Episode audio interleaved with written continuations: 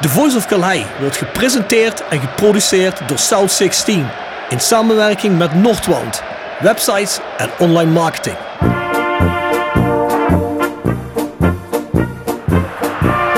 René van de Kerkhof, kom! Het hoofd van Danninga, het is het doelpunt! Het is het hoofd van Danninga, het is het doelpunt! Het is 1-1 in de 36e minuut. drink dan eerst gezellig een kopje koffie, praat met wat mensen.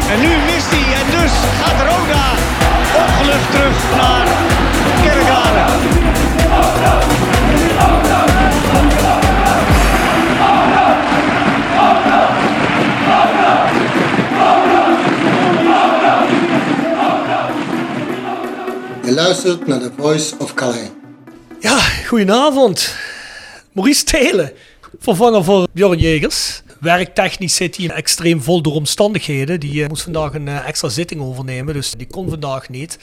Ja, en we willen toch deze afspraak niet verschuiven. We hadden eigenlijk nog een gast van tevoren, die komt later terug, maar deze willen we laten staan. En daar konden we ook een vervanger voor Bjorn vinden, namelijk Maurice. Ja, zeker. Ja. Nou ja, ik heb wel eerst gevraagd wie komt er. En voor die gast hebben, dan kom ik zeker. Kijk, dat vind ik netjes. Om te beginnen, een aantal mededelingen. Wij zijn RodaJC.nl, is een ook grote Roda fansite, waar we een aantal dingen mee samen doen. Onder andere kun je daar ook de podcast streamen als je dat wil. Die kun je trouwens ook streamen op south16.com tegenwoordig. En natuurlijk op eh, Spotify, iTunes, Soundcloud, Amazon, eh, Google Podcasts. Je kunt hem eigenlijk overal wel zo'n beetje vinden waar er podcasts te vinden zijn. Dus abonneer je. Meteen wanneer die binnenkomt, krijg je normaal gezien een notificatie van. Dan kun je meteen beginnen te luisteren. Elke woensdag als die uitkomt. Zondag Citra Blond. Tegen de tijd dat jullie deze podcast horen, heb je hem waarschijnlijk al afgehaald. Er zijn helaas geen extra flessen aanwezig. Voor mezelf eigenlijk maar nog twee flessen. Dus ik weet niet of ik moet huilen of ik moet lachen daarover. Maar goed, volgende keer moet ik waarschijnlijk een beetje beter rekenen met de mindere afvulkunsten van de Gulpener. Maar goed, dat maakt verder niks uit. Er komt binnenkort ook nog wat extra informatie met betrekking tot de Voice of Calais. Waar we een aantal extra dingen gaan doen buiten de reguliere podcast om. Daar komt heel binnenkort informatie over. Er zit onder andere ook wat extra hosts voor de podcast bij. Zoals Jasper Klute, Bart Eurlings. Misschien komt Modo ook nog eh, zo nu en dan wel eens een keer terug. Zeker. Ja, wie weet, misschien Bjorn ook wel. Maar Bjorn heeft het heel druk met zijn baan, dus we zullen zien. Ja, ik hoop dat hij morgenavond ook druk heeft. Dan ben ik er weer eh, op. Ja, dat dacht ik wel, dat dacht ik wel. Ja, Mo, aangezien jij de rol van Bjorn overneemt, eh, dan leg jij maar eens uit waarom mensen lid moeten worden voor Roda 1962. Ja, dat is een moeilijke, moeilijke plek om in te vullen. Joren met zijn grote mond. Maar Roda, Vind je dat dat zo'n fantastische uitleg van die jegers? Nee, nee, nee, nee. Maar Roda 1962, ik zie wel iemand tegenover me zitten met een shirt dat die kant komt. En dat is wel iets positiefs, maar daar kom ik dadelijk wel op. Belangrijk is natuurlijk Roda 1962. Word daar vooral lid van, voor die 62 euro. Eh, omdat mochten ooit situaties zich weer eens een keer voordoen dat er hier allerlei rare figuren denken beslissingen te kunnen nemen over onze club die niet in het belang zijn van datgene wat wij willen vanuit onze fancultuur. Dus fusie, veranderen van kleuren, speelstad eh. Dan ligt er een veto op het moment dat Roda 1962 meer dan 1000 leden heeft. Daar zijn we nog niet, dus wordt vooral lid. Daarnaast doen ze ook denk ik allerlei goede dingen. Ik bedoel, het geld wat eh, naar Roda 1962 gaat, wordt ook gebruikt met instemming van de fans voor het te bepalen doel, uit te geven door Rode JC. Dus dat is hartstikke positief.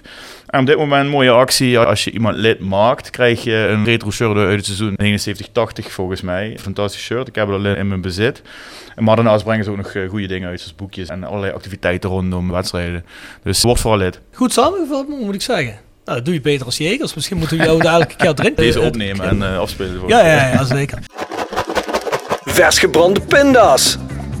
Wordt gepresenteerd door Hotel Restaurant de Veilerhof. Boek een overnachting of ga heerlijk eten in het mooie bergdorpje Veilen. Voor boekingen ga naar www.veilerhof.nl. En door Rapi Autodemontage aan de Locht 70. Voor al uw auto-onderdelen en het betere sloopwerk. Al 40 jaar een begrip in Kerkrade. Tevens gesteund door Fandom Merchandising. Jouw ontwerper en leverancier van eigen sjaals, wimpels en andere merchandising. Voor sportclubs, carnavalsverenigingen en bedrijven. Al jarenlang vaste partner van de Rode JC Fanshop. Check onze site voor de mogelijkheden. www.fandom.nl Wil je mooie luchtopnames van je huis, omgeving of bruiloft? Laat mooie droneopnames maken door de gecertificeerde Sky Art Pix dronefotografie uit Simpelveld. Bekijk de site voor de vele mogelijkheden. www.dronefotografie-sap.nl Oplossing van de prijsvraag. Zoals gezegd, dat doe ik altijd één keer in de zoveel tijd. Nou, die dag is vandaag niet, dat doen we een andere keer. Maar er zijn natuurlijk wel een paar mensen de prijzen gevallen. Onder andere de wedstrijdhandschoenen van Jan Hoekstra zijn de deur uitgegaan. En natuurlijk zijn er nog altijd drie mensen die op gesprek gaan bij Jeffrey van As. We moeten heel eventjes een manier vinden hoe we iedereen samen krijgen. Want er moet natuurlijk wel ieder schema passen. Of het kan gewoon niet voor jou als je gewonnen hebt. Maar daar krijgt iedereen nog wel bericht van. Jeffrey wilde dat eigenlijk doen zodat iedereen de training kon kijken. En daarna met hem op tafel kon gaan zitten. Maar ja, dat is natuurlijk allemaal het smiddags. Daar moet je natuurlijk ook maar tijd voor hebben als je werkt. Maar we hebben een nieuwe prijsvraag. Nou, wat is de prijsvraag van deze week? Dan kun je weer tickets voor het Main Museum winnen in Heerlen. En een fandom sjaal. Roda van fandom, zo moet ik zeggen. Ik moet van tevoren zeggen, voor ik de vraag stel, de nieuwe De Koempel is net uit. En als je die goed leest, kun je deze vraag oplossen. Dus mensen, de nieuwe Koempel valt volgens mij deze week of volgende week op je mat. Zeker als je lid bent van 1962, krijg je hem sowieso gratis. Wat is de locatie van het ouderlijk huis van Pierre? Ja, mag jij natuurlijk niks op zeggen, Pierre. Dat zal Pierre zonder meer weten. Ik heb begrepen dat het niet meer staat. Klopt dat, Pierre? Zo, dan gaan we even terug in de tijd, hè, jongens. Even kijken. Hoe lang ben je er al weg? Dat, dat, dat, dat, weet Dat ik. moet jij ons vertellen. Dat moet je ons vertellen, Pierre. Ja. Hebben we het over de Heidest, over Kaleide? Dat kan ik niet zeggen, want anders dan weten mensen misschien het adres zo meteen. Mensen moeten het raden, Pierre. Oké, je moet dat raden. Ja, maar het huis schijnt niet meer te staan, begrepen we. Nee. Nee, staat niet meer, hè? Nee, staat niet Oké, meer. dat is dan ook een hint. Dus eh, ja, raden maar. Het moet op te lossen zijn. Zorg dat je de koempel in je handen krijgt. Volgens mij, hoe kun je hem nog meer krijgen? Kun je hem gewoon En bestellen? volgens mij je, krijg je hem ook als, als je lid bent van een van de sportsverenigingen. Ja, volgens mij, van de dus, sportverenigingen eh, ook. ja. Ja. Goed, eh, de nieuwe koempel. Er staat trouwens ook heel veel leuke artikelen in. Vooral fancultuur gericht, wat Roda betreft. Dat is erg leuk. Ons mailadres is thevoiceofcalais.south16.com. Dus stuur daar je vragen en je grieven. Ook eh, als je een goede opmerking hebt ten opzichte van ons, mag je hem opsturen.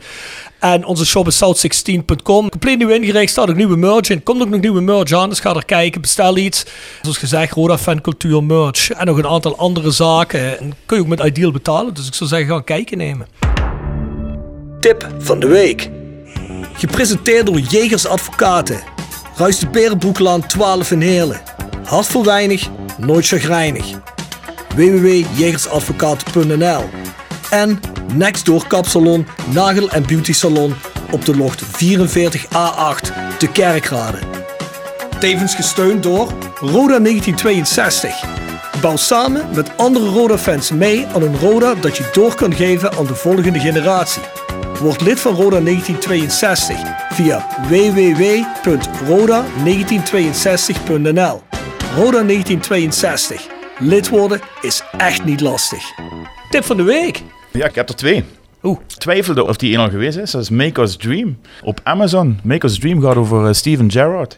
Die natuurlijk als Liverpudlian scouser opgroeit in Liverpool. En Oh, uiteindelijk Make Us Dream. Ja, ja, Us jawel, Dream. ja, jawel, jawel, Tot heb ik een- gezien. Heb ik ja, tot de grote speler die hij is. Maar die Ja. volgen ze dan eigenlijk door zijn hele carrière heen, zeg maar. Kijk, blikken daarop terug. En met name ook de strijd van Liverpool om eindelijk weer eens kampioen te worden. Wat hij niet bereikt heeft uiteindelijk. Nee. Maar je ziet daar wat het doet met de stad en de hele omgeving. Dus niet alleen maar kijken naar de voetballer. Eh, ja, fantastisch indrukwekkende documentaire. Zeker de moeite waard. Amazon. Ja, het was topdocumentaire moet ik zeggen. Ja. Die andere was eh, ook sportgerelateerd. Ik heb een tijdje in Zuid-Afrika gebied verkeerd. Ik ben een, fervent rugbyfan geworden in die tijd. Ah. Dus ook op Amazon All or Nothing, zoals ze dat van veel voetbalclubs hebben. Maar deze keer van de All Blacks, het Nieuw-Zeelandse eh, team. Die ze dan ook een, een jaar volgen. En niet het makkelijkste jaar. Dus je ziet daar eh, ja, een intensieve eh, documentaire Eh, volgen, ze volgen het team intensief door het hele jaar heen, door die hele tour heen. Ja, heel erg indrukwekkend om te zien hoe die gasten zich voorbereiden, maar ook met name het mentale stuk, wat daarbij komt kijken, de druk die daarop ligt. Zeker bij dat team, wat altijd het beste is. Hè. Die moet gewoon elke keer weer. Wat vroeger de Tri-Nations was, maar ook de wereldkampioenschap, et cetera. Die, die worden ze gewoon geacht te winnen. Anders is het per definitie al een uh, mislukking. Ja, als je van sportdocumentaires houdt, is dat er zeker een om, om, te kijken. Ja, die heb ik ook gezien. De hele All or Nothing series zijn cool. Oh. Heb je er nog meer van gezien, Mo? Ja, ik heb er nog meer gezien. Ja, die zijn cool, hè, die series. Ja. Ja, ik heb er ook een. Dat is een podcast. Die heet Warming Up. Ja, wat doet die? Eigenlijk de warm-up naar het Europees kampioenschap in de zomer. Umberto Tan. Ja, ik ben niet de grootste Umberto Tan-fan op tv, maar dit doet hij echt leuk. Doet telkens in 45 minuten, dus eigenlijk één voetbalhelft. Gaat hij met een speler zitten en een kampioenschap bespreken waar Oranje heeft gespeeld. Er zit bijvoorbeeld Rafael van der Vaart en die hebben het dan over het Europees kampioenschap. Wat is het? 2008 geloof ik, hè? Zwitserland. Dat ja, was klopt. 2008. Hij zit met Andy van der Meijden. Dat, wat was het? Uh, in uh, 2004. Was dat in Portugal? 2004 ja, ja. was in... Uh, ja, 2004.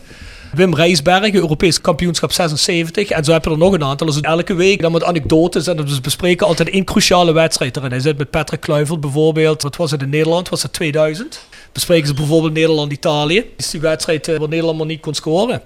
En was uiteindelijk uitgeschakeld worden. En ze pakken ze met Rafael van der Vaart die eerste wedstrijd tegen Italië. En uh, dat was eigenlijk uh, de wereldkampioen compleet overklasse. Wat niemand verwacht had. Ja, dat is gewoon leuk om te luisteren. Er zijn goede partners die hij daarin heeft. Rafael van der Vaart, daar hou ik wel van. Net als Theo Jans, carrière voorbij. Je meteen lekker laten gaan, fysiek. Kan ik ergens wel. Ja, maar je weet, die jongens zijn levensgenieters. Dus je weet, die hebben hun hele carrière eigenlijk tegen de bierkaai gevochten. Die zien, die zien zo een beetje uit als ik nu. Maar. nee, maar dat vind ik wel lekker en gezellig. Ja. Rafael van der Vaart is ook compleet schor. Wat hij doet, weet ik niet. Of hij veel rookt, of dat hij veel whisky drinkt, of dat hij veel schreeuwt. Maar hij doet iets wat onze stem niet helemaal noord is. Maar dat is wel lachen. Dat is een leuke podcast. Warming Up heet hij. Ga eens kijken. Het zijn er ook maar elftal tot het begin van het kampioenschap. Dus ja, man, dus zou ik zeggen, introduceer maar onze gasten. Mag ik dat doen? Dat is heel mooi. Ja, zeker. Eh, daar werd ik enthousiast van om hier te mogen komen opdraven. We zijn natuurlijk al maandenlang warm gemaakt op social media, in gesprekken in de fanshop. Pierre, die was zelf helemaal door het dolle heen. Er komt een boek van een van onze grote Roda-helden, Pierre Vermeulen. En die zit hier met Roberto Penino, de auteur van het boek. Welkom, mannen. Ja, dankjewel. Ja. Dank je. Mo heeft het goed geïntroduceerd. Ik denk dat het precies nagel op de kop is. Het boek heet Alles op gevoel. Maar voordat we met alles beginnen, ik denk dat de mensen eerst wel willen weten, Pierre, hoe is het met je? Je hebt een TIA gehad. Vertel eens, hoe is het nou fysiek? Ik ben de komende weken niet uh, uh, in de basis. ja, dat is wel jammer. Dus je staat er dus, morgen niet in. Nee, staat er niet in. Dus uh, als je de toten gaat invullen, dus jongens, let op. Hè. Maar het gaat langzaam. Ja. En je bent delen kwijt. En uh, ja, dat, daar zit ik mee. En, uh, maar Lonnie, die, als we door Heerlen lopen en het is een beetje druk, dan zegt ze van, daar komt Hans. Dan bereidt ze me al voor van wie er komt. Ja, ja. Dus ja, dus ik word toch geholpen om, zeg maar, mm. om er ja, te staan als de mensen vragen van dus je bent echt gewoon gedeeltes van herinneringen en dergelijke ben je kwijt? Ja, dat is, uh, pas op, dat gaat toch, uh, ja, dat is niet makkelijk. Want onbewust zijn er dingen die zijn weggevallen. Ja, dat is, ja. Maar van de andere kant, ik heb op die gang gelopen, dus waar meerdere mensen het hebben gehad. Nou, die zijn er slechter van afgekomen, dus ja. wat dat betreft ben ik blij dat ik gewoon lopend door Heerlijk kan lopen. En, mm. ja, zeker weten. Dus uh, ja. Want ja, toen we net binnenkwamen en toen we net begonnen te praten, dacht ik van, oh ja, het is lang nog niet zo slecht, maar ja, het valt best mee op de eerste dingen en alles. Dus, uh, dus ik denk ja. dat ja, het is goed voor jou dat je dat geluk gehad hebt natuurlijk. Ja, pas op. Ja, dat, uh, ik heb het gezien wat daar op die afdeling gebeurde. Ja. Dat herstelproces, met de tijd wordt dat nog beter? Of is er een punt dat ze zeggen, nu wordt het niet meer beter? Uh, tenminste bij de dokters, uh, op, uh, als ik daar ben, daar zeggen ze allemaal, dus wat er gebeurd is vanaf dat moment tot dat ik in, in, het ziekenhuis kwam, dat is alles weg. Hmm. Dus misschien ben ik alle nederlagen vergeten al. dus dan blijven de goede dingen over, hè? toch? Ja, ja, ze hebben het wel eens over selectief geheugen. Als dit is wat het is, je ja. vergeet de nederlagen, is eigenlijk dus, mooi. Hè? Ja. ja. Dus uh, laten we hopen dat we dat... Uh, ja, oké, okay, maar ja, het is... Uh, ja, je moet ermee leven. Dus en, ja, oké, okay, het komt voorbij en Doe je daar ook nog iets voor? Een bepaalde therapie om iets beter nog te maken? Of is het gewoon zoals het is? Nee, ik eh, moet ontzettend veel stappen zetten. Ik heb een horloge met stappen. En eh, vanuit Roda dan word ik een beetje begeleid ook van hoeveel, eh, eh, hoe, hoe zwaar het is. En of ze het toch zwaarder kunnen maken, programma zwaarder, maar dat ik meer moet gelopen. Mhm. En, maar ik moet zeggen, ik heb vandaag ook genoeg afstanden gelopen. Dus en ik zit op een... eh, Ja, Lonnie is je vrouw, hè? die zal je wel eh, alle kanten opsturen nu. Ja, eh, Pierre, ja, ga maar eens koffie ja, halen. Pierre, maar eens dit doen. ja, dus ik heb in de fanshop heb ik eh, van links naar rechts en eh 8081 stappen. Oh, kijk aan. Dan kijk eens aan. Hoeveel Nou, kilometer eh, is dat, Pierre? Dat heb ik vroeger niet gehad. Dat was het drie sprintjes en dan was het goed. Nee, dat was goed. Nee. Oh, ja, ja, ja. Maar zien we je wel gewoon nog in de fanshop of doe je dat nog niet? Ik, eh, het wordt steeds, eh, omdat het de fanshop trekt aan. En eh, vandaag zijn er genoeg mensen geweest die komen afhalen, eh, de bestellingen en zo. En eh, dan ben je, ben je toch contact met mensen die, ja, die zeg maar echt grote supporter zijn. En dan, ja, dan word je meegezogen in die fanshop. En ja, ik, ik vind het een, een moet dat zeggen? Als Lonnie zegt van morgen je blijft thuis, nou dan voel ik me niet zo happy. Ik heb gezien toen je 65 werd dit jaar, hè, wat de reacties allemaal waren op social media van de fans, maar ook van heel veel bekende voetballers, oud-voetballers. Ja. Ja, fantastisch om te zien. Ik kan me voorstellen dat dat goed doet. Ja. Maar zeker ook als je dan zoiets gebeurd is. Hoe ervaar je die reacties? Waren er veel reacties? Krijg je veel reacties? Krijg je veel Ja. steun? Ja, ik heb, eh, ja, ik heb eh, ook de jongens waar ik mee gevoetbald heb vroeger. Hè, dus en, eh, ja, er zijn erbij geweest ja, waar ik niet veel bal van kreeg. Maar, maar ja, dat, En dat nemen we even met, met, met, ja, oké, dat zijn we weer vergeten natuurlijk. Maar het is namelijk zo, eh, eh, het mooie van alles is, eh, kijk, die, die fanshop die gaat weer draaien binnenkort. En we zijn ermee bezig. En ja, we zijn blij dat we in de shop zijn. En dat die open is. eh, wij zijn blij dat jullie weer terug in de shop zijn. Jammer dat de shop enigszins veranderd is, hebben we begrepen door toedoen van Roda. Het ziet er allemaal iets kouder, eh, killer uit. Iets klinischer, ja. Maar goed, zolang als jullie daarin staan, blijft het natuurlijk wel een plek waar mensen ook samenkomen om lekker over Roda te horen. Ja, maar die shop die gaan we toch wel terug aankleden, Pierre, of niet? Ja, Dan luister. gaan, dan gaan we toch niet met de Roda vragen of dat mag of niet, hè? dat doen we Nee, gewoon. nee, nee, luister. dat is Anders kom ik wel een middag langs, hè? help ik je wel. Dat wil verbouwen. Dat is geen probleem. Ja, ja, nee, maar... eh, Want dat vond ik wel net de charme van de shop, hè? al die shirtjes en die vo- ja, voetbalschoenen. ja, ja, en, ja, eh, maar eh, eh, de, het, het mooie is, eh, we kunnen die shirtjes kunnen we goed kwijt bij het museum.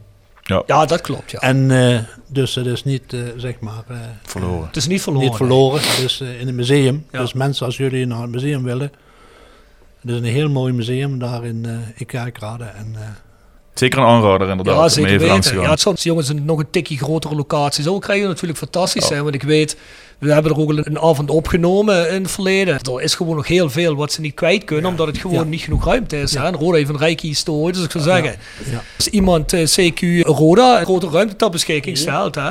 Nee, maar daar zijn ze wel mee bezig, heb ik begrepen, om het in het stadion te krijgen. Dus. Pierre, trouwens, een vraagje. We hebben hier eh, brandbier ter beschikking. Drink jij een biertje of niet? ik drink wel een biertje.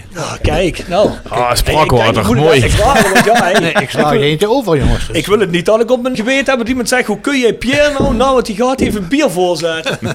Dan moet Pierre toch wel zelf zeggen dat hij nee, dat wil. nee, nee, kom. Kijk, we, zitten- we zitten hier de play-offs aan, dus en, eh, hè? Hij is niet uh, wel zo onbekwaam, hè? dus gewoon eh, drinken. alsjeblieft. Proost iedereen. Zei het. Proost. Ja, de Bjorn zal wel denken als hij dit hoort. Ben ik er een keer niet, wordt alles op tafel gezet hier. Dus, eh, ja. Maar we moeten wel eerlijk zeggen dat heeft... Oh, dan gaat er alles ernaast. Ja, Ehm, komt tot de conclusie dat, dat je geen bier kunt drinken uit een fles. eh, wat is dit nou? Lonnie heeft dat allemaal weten te regelen met Patrick van de gele kaart. Dit eten doet het Rode Stadion. We hebben ook nog een beetje tapas staan hier. Dat is perfect geregeld. Ja. ik zei dat tegen geregeld. Lonnie, Lonnie, volgende kerstbier komen opnemen, dan vraag ik alles aan jou. Want schijnbaar krijgt Lonnie dat wel geregeld. We hebben hier ook misschien voor de meeste mensen een grote onbekende zitten. Roberto Pinino. Stel je eens even voor dat de mensen ook weten wie je precies bent. Ik heb een boek geschreven. Ja, En daarmee begonnen leven. een boek of het boek? Ja, het boek natuurlijk. Het boek, ja. het boek dat nu eh, uit gaat komen. Nee, ik ben, ik ben in Heerlijk geboren. Ik, ik was ook vrij jong eh, Roda-fan. Ik denk vanaf een jaar of zeven. Dat, dat, een beetje, dat, je, dat je echt een beetje beseft van, van eh, wat er allemaal eh, gebeurt.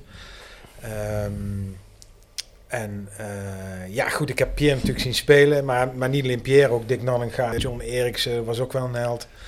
Ehm, en ja, op het moment dat je Pierre leert kennen, want ik, ik heb Pierre voor het eerst geïnterviewd in, ik dacht 2007, 2008. En, ehm, en daarna ook voor een ander magazine. En ja, dan hoor je zoveel anekdotes en dan denk je van, ja, wat gek eigenlijk dat er helemaal geen boek is nog hè, van hem. Want je ziet van zoveel spelers eh, nu, zeker de laatste vier, vijf jaar, hè, zie je allerlei boeken verschijnen. Maar ja, niet iedereen heeft een eh, Frans kampioenschap eh, met Paris Saint-Germain meegemaakt of in het Nederlands elftal gespeeld. Dat, dat is bij hem wel allemaal zo. Behalve Roda dan nog en, en MVV enzovoorts. Dus ja. Wat was die laatste club? Eh, volgens mij, ja. Dat was een In het foutje. rood. Dat is ergens Dacht Pierre misschien dat hij bij PSV getekend had. Moet je aan Pierre, dat moet je aan Pierre vragen. Maar volgens mij, volgens mij, ik weet niet of ik dit in, vijandig, in dit vijandige hol mag zeggen, maar volgens mij heb je daar wel een goed jaar gehad, toch? eh, bij MVV? Ik heb mijn best gedaan daar. eh, en eh, ik moet zeggen, ehm, ja, weet je wat het is? Het is natuurlijk, eh Dick Nanninga speelt daar. Kijk, Speelde hij er ook daar toen jij daar ging spelen? Want van, hij speelde altijd. maar heb ik dat nog op mijn radar dat hij daar speelde. Maar toen ik ook wel was aan kijken, toen natuurlijk telkens een beetje research. Ja, toen, toen las ik in het boek van de clubs en dacht ik van, heeft Pierre nou bij MVV gespeeld? Ja. Maar jij was veel korter als Dick, hè? Dick heeft er volgens heb- mij twee of drie jaar gespeeld, hè? Eh, ja, want eh, Dick ging daarna naar Hongkong. Nou ja, dat is psycho. Zeker, ja. En eh, Dick ging weg en ik ging naar Parijs. En, Ja, wat apart zag dat ik, ik had het lijstje ook nog eens bekeken. Roda naar Feyenoord, nou dat is een normale Ja. stap. Van Feyenoord Ja. naar MBV, dat klinkt in ieder geval nu van een stapje terug. En vervolgens ga je naar PSG, PSG. ja, ja. Dus eh, ja, dat is natuurlijk. eh, eh, ik heb eh, bij MBV een een heel goed seizoen gedraaid. En eh, mede door. eh ja, wat een goed elftal. Ja, simpel. eh, Erik Gerrits. Ja. Als rechtsback, die kun je wel erbij hebben, hè? Toch? Ja, oh, die kwam toen voetballen bij MVV omdat ze dat jaar, dat belastingsschandaal bij, Ja. eh, die mocht in België niet spelen. hè? Ja, ja. en eh Bert van Marwijk, die stond achterin. En eh, ja, en Ja, dat is geen verkeerde elftal, hè? geen verkeerde elftal. Wat zijn jullie geworden dat jaar? Weet je dat? Goh, dat is een goeie. Ja, Ja, we, zijn tweede erin, we zijn erin gebleven natuurlijk. toch tweede eh, rijtje. Ja, toch Oké. twee rijtje. Maar er zaten heel wat... eh, Ja, als je dat zo hoort, ja. Ja, Ah, ja, dan moet je ook gewoon eerlijk in zijn. hè. MVV was in die tijd ook gewoon een stabiele middenmotor eigenlijk. Hè. Ja. Dat was sportief gezien geen verkeerde club. Voor de rest wel, maar sportief gezien niet Er natuurlijk. komt een, eh, een, eh, nieuwe gast binnengelopen die we ook allemaal kennen, Lonnie. Dus we moeten even die fles bier van Pierre onder de tafel gaan houden, heb ik het idee. Ik zeg al, eh, niet dat we dadelijk problemen krijgen. Lonnie, en dat Pierre hier aan het bier zit. Oh, oké, goed zo. Maar Roberto, we hadden jou net een klein beetje onderbroken. Zo. Je had het over hoe je op Pierre kwam en de reden waarom je het boek ging schrijven. Dus pak hem weer op. Nou ja, omdat ik hem al een paar keer had eh, gesproken voor eh, ehm, eh, artikelen voor magazines. Dan, dan hoor je verhalen. En, en voor, een deel kende ik die verhalen ook wel. Hè? Want ik, ik, was natuurlijk altijd al Roda-fan. Dus ik heb hem ook, zijn, zijn actieve loopbaan heb ik natuurlijk gewoon meegemaakt. En toen was ik hier, ik denk twee jaar geleden in het stadion met eh, Dave Hanneman van het, eh, van het museum. En ik had een eh, afspraak met hem. Die, die, die heeft eh 10.000 shirts van Roda zo ongeveer. Hè? Die heeft echt een enorme collectie. Die heeft er een paar. Ja, hij heeft er een paar. En ehm, nou, toen kwam Pierre erbij en toen hebben we het daar eens over gehad. eh, van, is, is het niet leuk om een boek te gaan maken?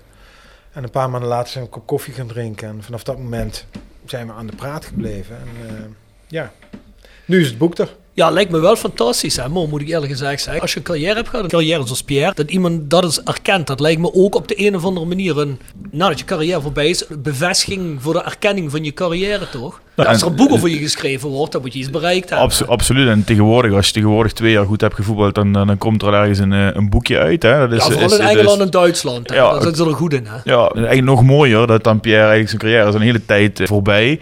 Misschien is die cultstatus daarna nog wel groter gegroeid dan dat hij vroeger was. Ik kan het niet helemaal beoordelen. Maar het feit dat dat Ja. nu nog gebeurt in het jaar 2021, dat is 30 jaar nadat je gestopt bent met voetballen, maakt het des te specialer lijkt me. En te Ja, maar- mooiere waardering. Ja, zeker. En ik denk ook, veel mensen interesseert dat ook. En het heeft ook niet alleen Pierre's carrière te doen. Maar ook gewoon omdat Pierre in de fanshop staat. En dat Zeker. mensen dat ook gewoon als een constante zien bij Roda. Ja. Dus eh, voor veel mensen is Pierre niet alleen de voetballer Pierre Vermeulen. Maar ook doordat hij voetballer is geweest, ook een boegbeeld. Die ze telkens terug kunnen herkennen en dat spreekbaar is in de fanshop. Samen met Lonnie. Dus ik denk dat dat ook zeker heel veel mensen zal interesseren, dat boek. Ja, zeker. Ja, Dus, en, ook, eh, en ook denk ik, omdat het de tijd was dat Roda eh, ja, een gevreesde club was. Zeker een eigen huis op Kaalheide. Hè? Ja, zeker. Dus eh, daar, kwa, ja, daar zijn legendarische wedstrijden gespeeld. eh. Vind je Roda geen gevreesde club meer dan? Nou, ik zag jongens uit misschien op een andere manier. vorige week vrijdag hoor, eh, Roberto. Was er zelf bij. Nou ja, laat ik het zo zeggen. het, het is op een iets ander niveau. Letterlijk. ja, natuurlijk. ja, een tikkeltje anders. ja. Maar ja, als ik, ook in het kader van het boek eh, over Pierre heb ik natuurlijk ook... Ik ben in krantartikelen gedoken, eh, Voetbal International artikelen. En komen er ook wedstrijden voorbij die ook voor mijn tijd weer zijn. Ja, en dan zie je, dan zie je uitslagen en dan denk je... Jezus, en dan zie je wie er op het veld staan. En toch verliezen. Of, of net Ja. gelijk spelen tegen Roda. Dan Ja. denk je, nou, dat was gewoon... Ja, eh, midden, tussen top en middenmoot in eigenlijk. Ja, ook als je ziet bijvoorbeeld dat Panini al wat ik bij me heb, er staat achter in de eindstand van dat jaar, ja, eindigt Roda gewoon vijfde. En eh 79, 80. Dus ja, dat was toen nog allemaal heel normaal. Moet je ja, je maar een seizoen eerder kijken. Eh 78, 79 hebben ze driekwart van het se- seizoen eh, op titelkoers gezeten. Ja, ja, en dat hebben we natuurlijk in de jaren 70 dan wel eens gehad. In de jaren 80 ook. Hè, dat je met de kerst meedoet om het winterkampioenschap. Ja, ja. Jaren 90. Onvoorstelbaar eigenlijk. Hè. En toen kan me nog herinneren, jongetje in de jaren 80. Maar Zelfs jaren, in de PLS is het ook nog wel eens ja, geweest. die hè? jaren 90 da- het waren we gewoon het klagen. Als eh, William Vloed voor de derde keer zes dus dreigde te worden, dan brak de pleuris uit. Ja. En als je het eigenlijk bekijkt met wat we voor een kleine kutclub zijn, om het zo maar eens te zeggen. We hebben gewoon nog heel lang tegen die top aangehangen met altijd al een beperkter eh, budget. Ja, ik vind het heel sneu voor de mensen die nu jong zijn. Want ik zie. eh, ik zie- nee, ja, maar ik bedoel, ik zie het op Instagram. En zeker omdat wij met South 16 eh, zeer actief zijn op social media. Dan zie je heel veel van die accounts, Facebook, op Instagram. Het zijn meestal hele jonge lui die heel enthousiast zijn over Roda. En dan vind ik dat fantastisch. Want die jeugd zou hetzelfde geld kunnen zeggen: van ja, dat is een club die speelt bij mij om de hoek. Maar eh, die bereiken niks. Ik ben Ajax-fan. Dat is heel gemakkelijk Ja, om te ja. zeggen. Of ik ben fan van weet ik veel wat, van Borussia Dortmund of eh, weet ik veel, Real Madrid. En omdat ze dat op tv de hele tijd zien. Maar dan denk ik, oh jongen, hadden jullie maar de kans gehad om te zien wat wij hebben gezien in eind jaren 70. eh, Toen we nog een hummeltje was. Of eh, in de jaren 80 of jaren 90. Alleen al de beleving op het veld. Daarvoor is voor mij ook voor eeuwig. Was hij het grootste talent? Kijk, Pierre die had veel talent in de voeten. Maar José Hansen die had misschien wat minder talent. Maar dat is voor mij wel de mentaliteit die bij Roda hoort. Dat is voor mij de belichamelijking van hoe ik opgegroeid ben met Roda. Dat vind ik dan zo jammer dat die mensen dat nu niet kunnen zien. Hè? Die mensen die nu mee opgroeien. Je kunt 17e worden in de eerste divisie. Hè? Maar als je 17e wordt in de eerste divisie, maar iedereen heeft wel gevochten als een leeuw. Ja. Dan eh, is het een ander verhaal. Ja, als er echt geen geld zou zijn zoals het er was en weet ik het allemaal. En, Ja. je, en je ziet dat de hele club er eh, volledig voor gaat. En eh, dat je een paar van die houtakkers op het veld hebt rondlopen. Dan wordt er anders tegenaan gekeken dan dat we dat, eh, dat we de afgelopen jaren. Er is nauwelijks meer binding met de club. En dat, en dat was natuurlijk in de jaren 70, 80, eh Ja, 90 zeker. Maar vergeet ook niet dat, dat toen heel veel Limburgers natuurlijk in het, in het team Ja, speelden. ja, hè? Eh, Degens, Elen, eh, Pierre. Er zijn er meer. André Broeks, eh Meuzer. Je kunt zo een elftal Ja. samenstellen van Limburgse spelers. eh, die gewoon het eigen jeugd, of tenminste bij clubs die uit de regio, in de regio speelden. Dus dat, dat geeft natuurlijk automatisch al, al binding. Met een goede mix met, met Zuid het Westen. Hè. Zo, eh, en uit het noorden natuurlijk Dick Nannega, die eh, een soort Ja. halve Limburger is geworden, maar niet hier vandaan komt. Ja, die willen eigenlijk altijd bij Groningen spelen, hè? maar ze wilden hem niet. Ja, het werd Vindam, hè, geloof ik. Vind Ja, ja. ja. die zat hij bij Oosterparkers, Pierre, volgens mij. Hè? Ja, Oosterparkers. Roberto, had jij even terug naar het boek eerder al van dit soort biografie geschreven? Nee, biografie niet. Ik, ik heb eh, eh, in 2018 een boek geschreven over een vliegramp in Italië. Eh, van eh, Torino was het kampioenselftal in de jaren 40. En eh, die zijn in 49 zijn die neergestort. En het verhaal heeft me altijd gefascineerd.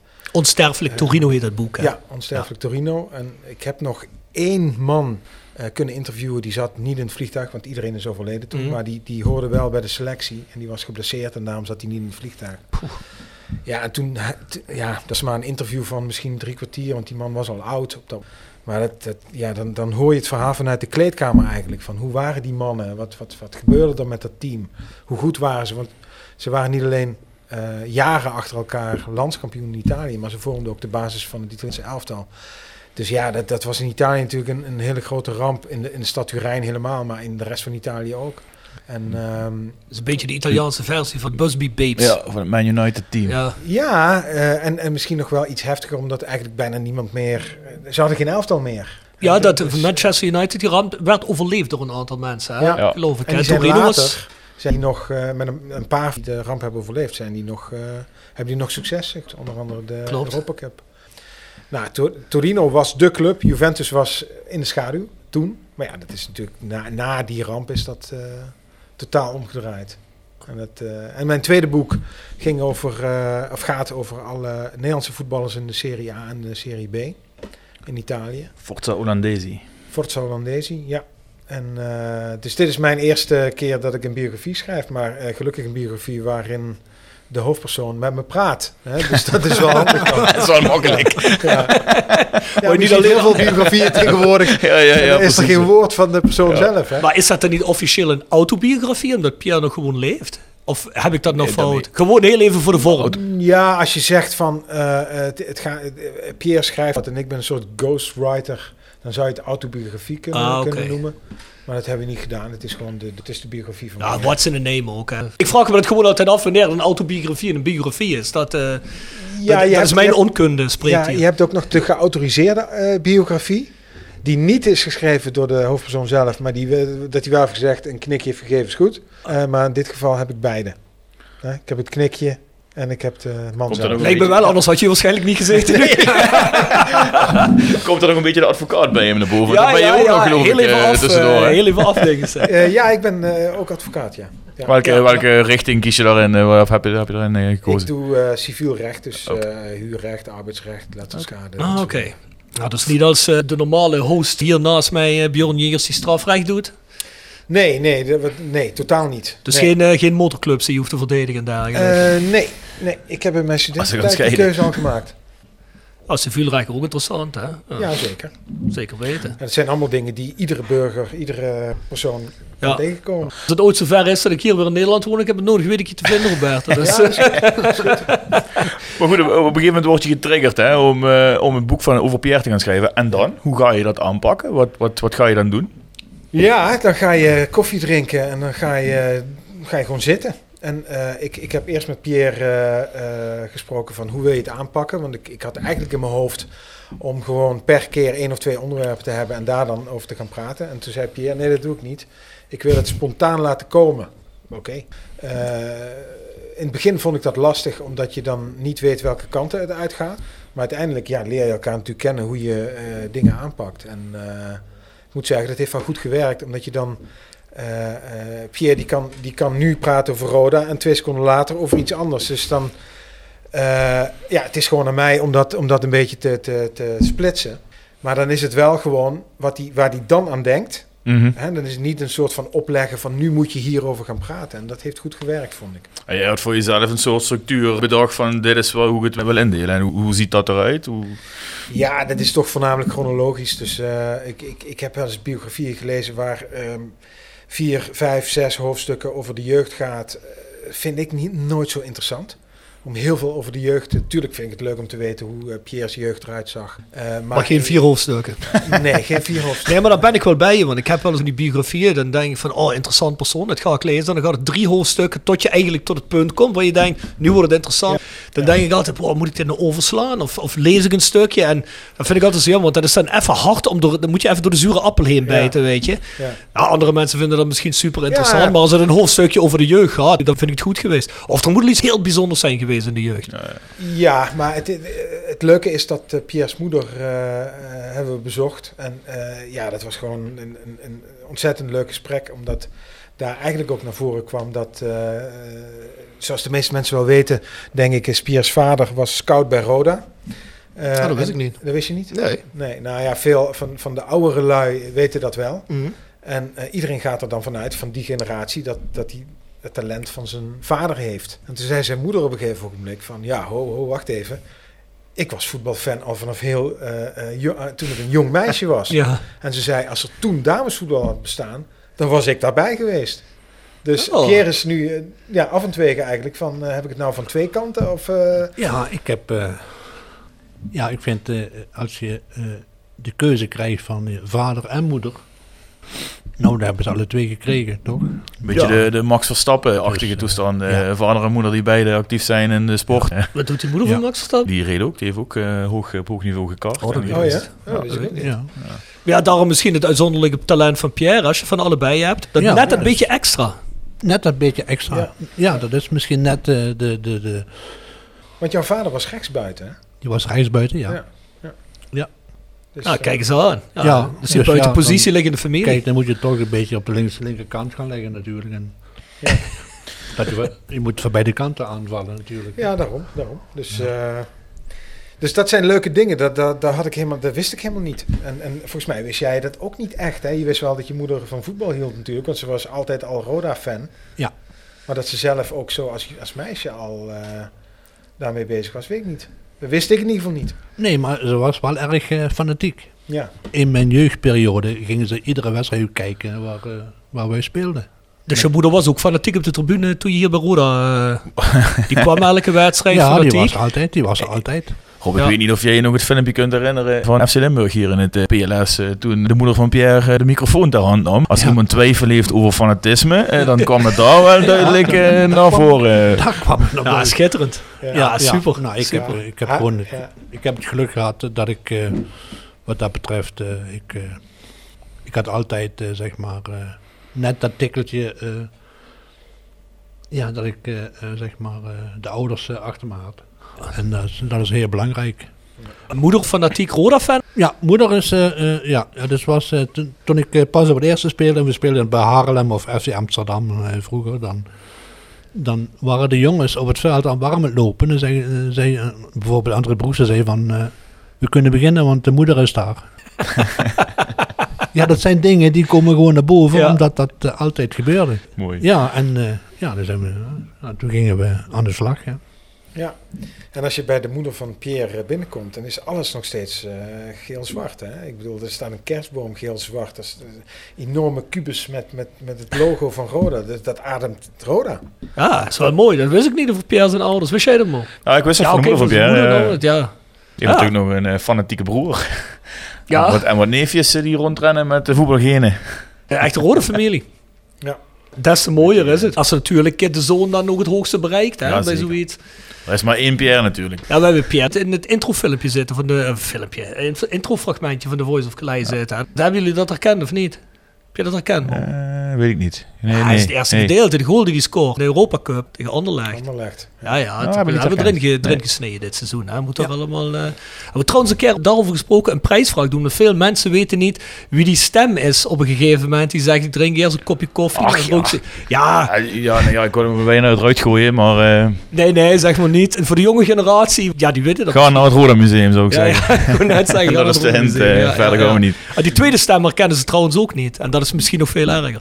Ja, Klinkt een beetje cryptisch, maar we willen dat ook nog als prijsvraag houden. Hè? Dus Ja, we zullen ja. niet zeggen dat, dat Henk Kreewinkel en, eh knip, En, eh, en Nol Hendrik zijn. Dus, eh, maar goed. Ja, Ik ben ik krijg wel gelukkig. vragen over wie zijn dat, wie zijn dat? Ik Oh ja, van, moet je je jongens, schamen. Zelfs al ben je in 2015 geboren, dan moet je dat ondertussen weten dat Noel Hendricks degene was die zegt ik, ik ben gelukkig. Ja, het klinkt wel met een redelijk Limburgs accent. Eh, Dat valt me nog wel mee. En jou. Section Frietenboot. Gepresenteerd door Herberg de Bernardeshoeve. Weekendje weg in eigen streek? Boek een appartementje en ga heerlijk eten met fantastisch uitzicht in het prachtige Mingersborg bij Marco van Hoogdalem en zijn vrouw Danny. www.bernardeshoeve.nl En Stokgrondverzet uit Simpelveld. Voor al uw graafwerk, van klein tot groot. Onze gravels staan voor u klaar. Tevens worden we gesteund door Wiertz Personeelsdiensten. Ben je op zoek naar versterking van je personeel? Contacteer dan Wiertz Personeelsdiensten in het PLS en vraag naar Mark of Sean. www.wiertz.com Section Frietenboet. Mo, zeg maar, wat doet dat Section Frietenboet? Dat willen we weten van onze... Oh, ik, wou net zeggen. Ik, Nee, jij niet. Je hebt nog een ik keer heb- Section gedaan. Ik ben geen Frietenboet gast hier. ja. Pierre, wat heb jij liefst uit de frietenboet? De frietenboet. Mhm. Nou, een lekker frietje. Dus, eh Ja, goed, maar wat is je favoriete snack? Snack, sorry. Ik moet me duidelijker uitdrukken. Eh, favoriete snack? Nou, dan kom ik toch eh, op uh, Niet Lonnie zeggen. Lonnie speciaal. het speciaal. Nee, nee, ik denk... eh, ik ben van het... eh, hoe noem je dat? Uh, dan kom ik weer een veil uit. Zoervlees. Lonnie zegt zoervlees. Ah, het zuurvlees van Ingo van de Veilerhof. Hij heeft meteen een sponsor genoemd. Eh, is de kneen. Oh, oké. Ja, de knien. dus jongens, uh, Veilerhof, uh, knien, hè? Ongelooflijk. Frieten oesfilen met, met, uh, met knieën. Nou, Ja, ja, ja, mooi. dat vind ik een goeie. En jij Roberto? Mexicano. Mexicano? Ja. Al een aantal keer genoemd. Populaire snack. Ja, zeker. Hoe is het boek uit? Het gaat via een uitgever, via Edicola. Die doen meer eh, sportboeken. Eh, ook, ook wielrennen, eh, voetbal dus ook.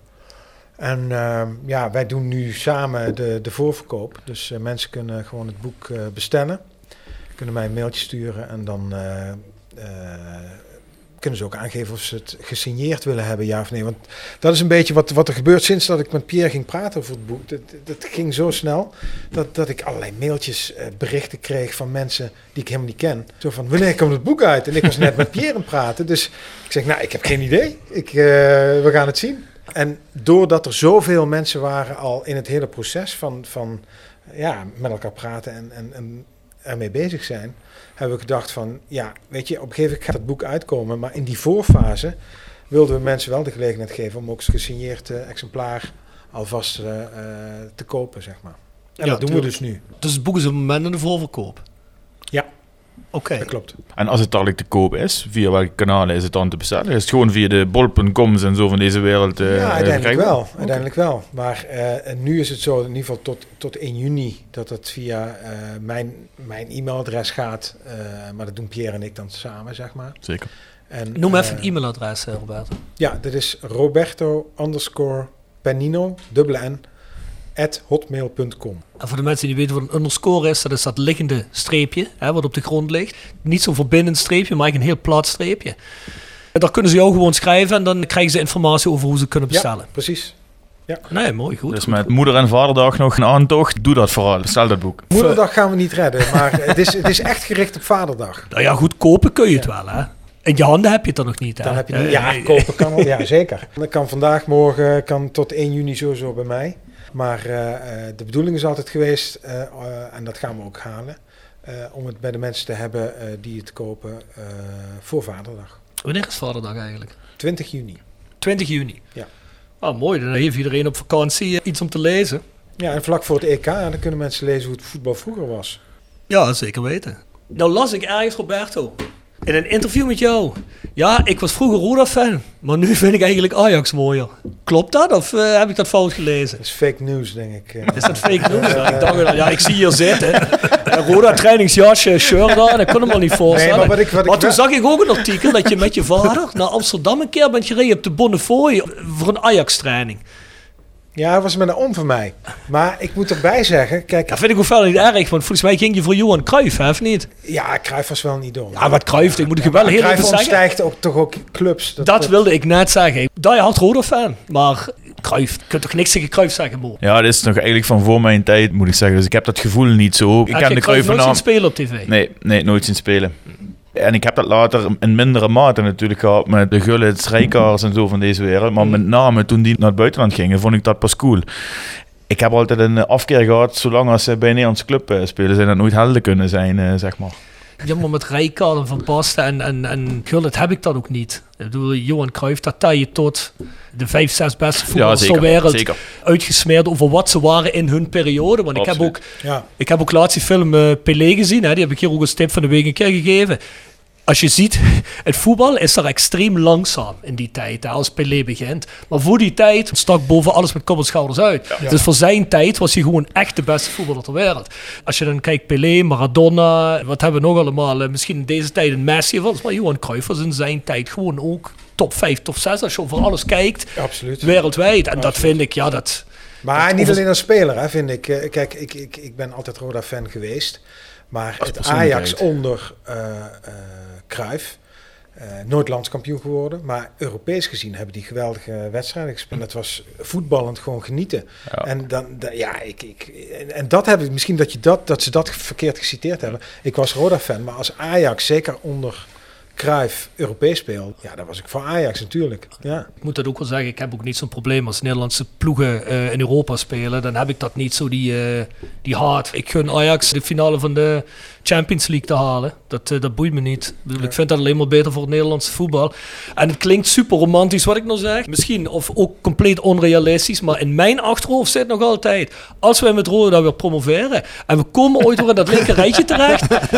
hoe meer plekken er zijn voor play-offs voor Europees voetbal. Of nog ergens ooit Europees te kunnen halen, hoe beter. Dus laat in godsnaam de PSV's en de, en de Feyenoords en de AZ's en de, en de Ajax, laat die maar zo hoog mogelijk in Europa eindigen. En dat klopt helemaal. Dat is vooral ook heel rationeel gedacht. Want ik word er voor de rest niet heel erg warm of koud van. Wat me nu heel erg vaak stoort bij mensen is dat ze een, eh, echt een tweede club hebben in Nederland. Ja, daar kan ik met mijn verstand niet bij. Nee, in Nederland begrijp ik dat ook niet. Nee. nee. Ik kan begrijpen als je in het buitenland zegt. Ik, ik heb dat zelf hier ook in de podcast gezegd. Ik bedoel, ik ben door de tv natuurlijk ook met Liverpool opgegroeid. In de eind jaren 70, begin jaren 80 ja, was het gewoon een team wat in Europa gewoon de klok sloeg. En daar raak je ook verliefd op. Ik heb mijn moeder onder dwang me lid laten maken van de Liverpool fanclub vroeger. Dat ik je clubbladen kreeg.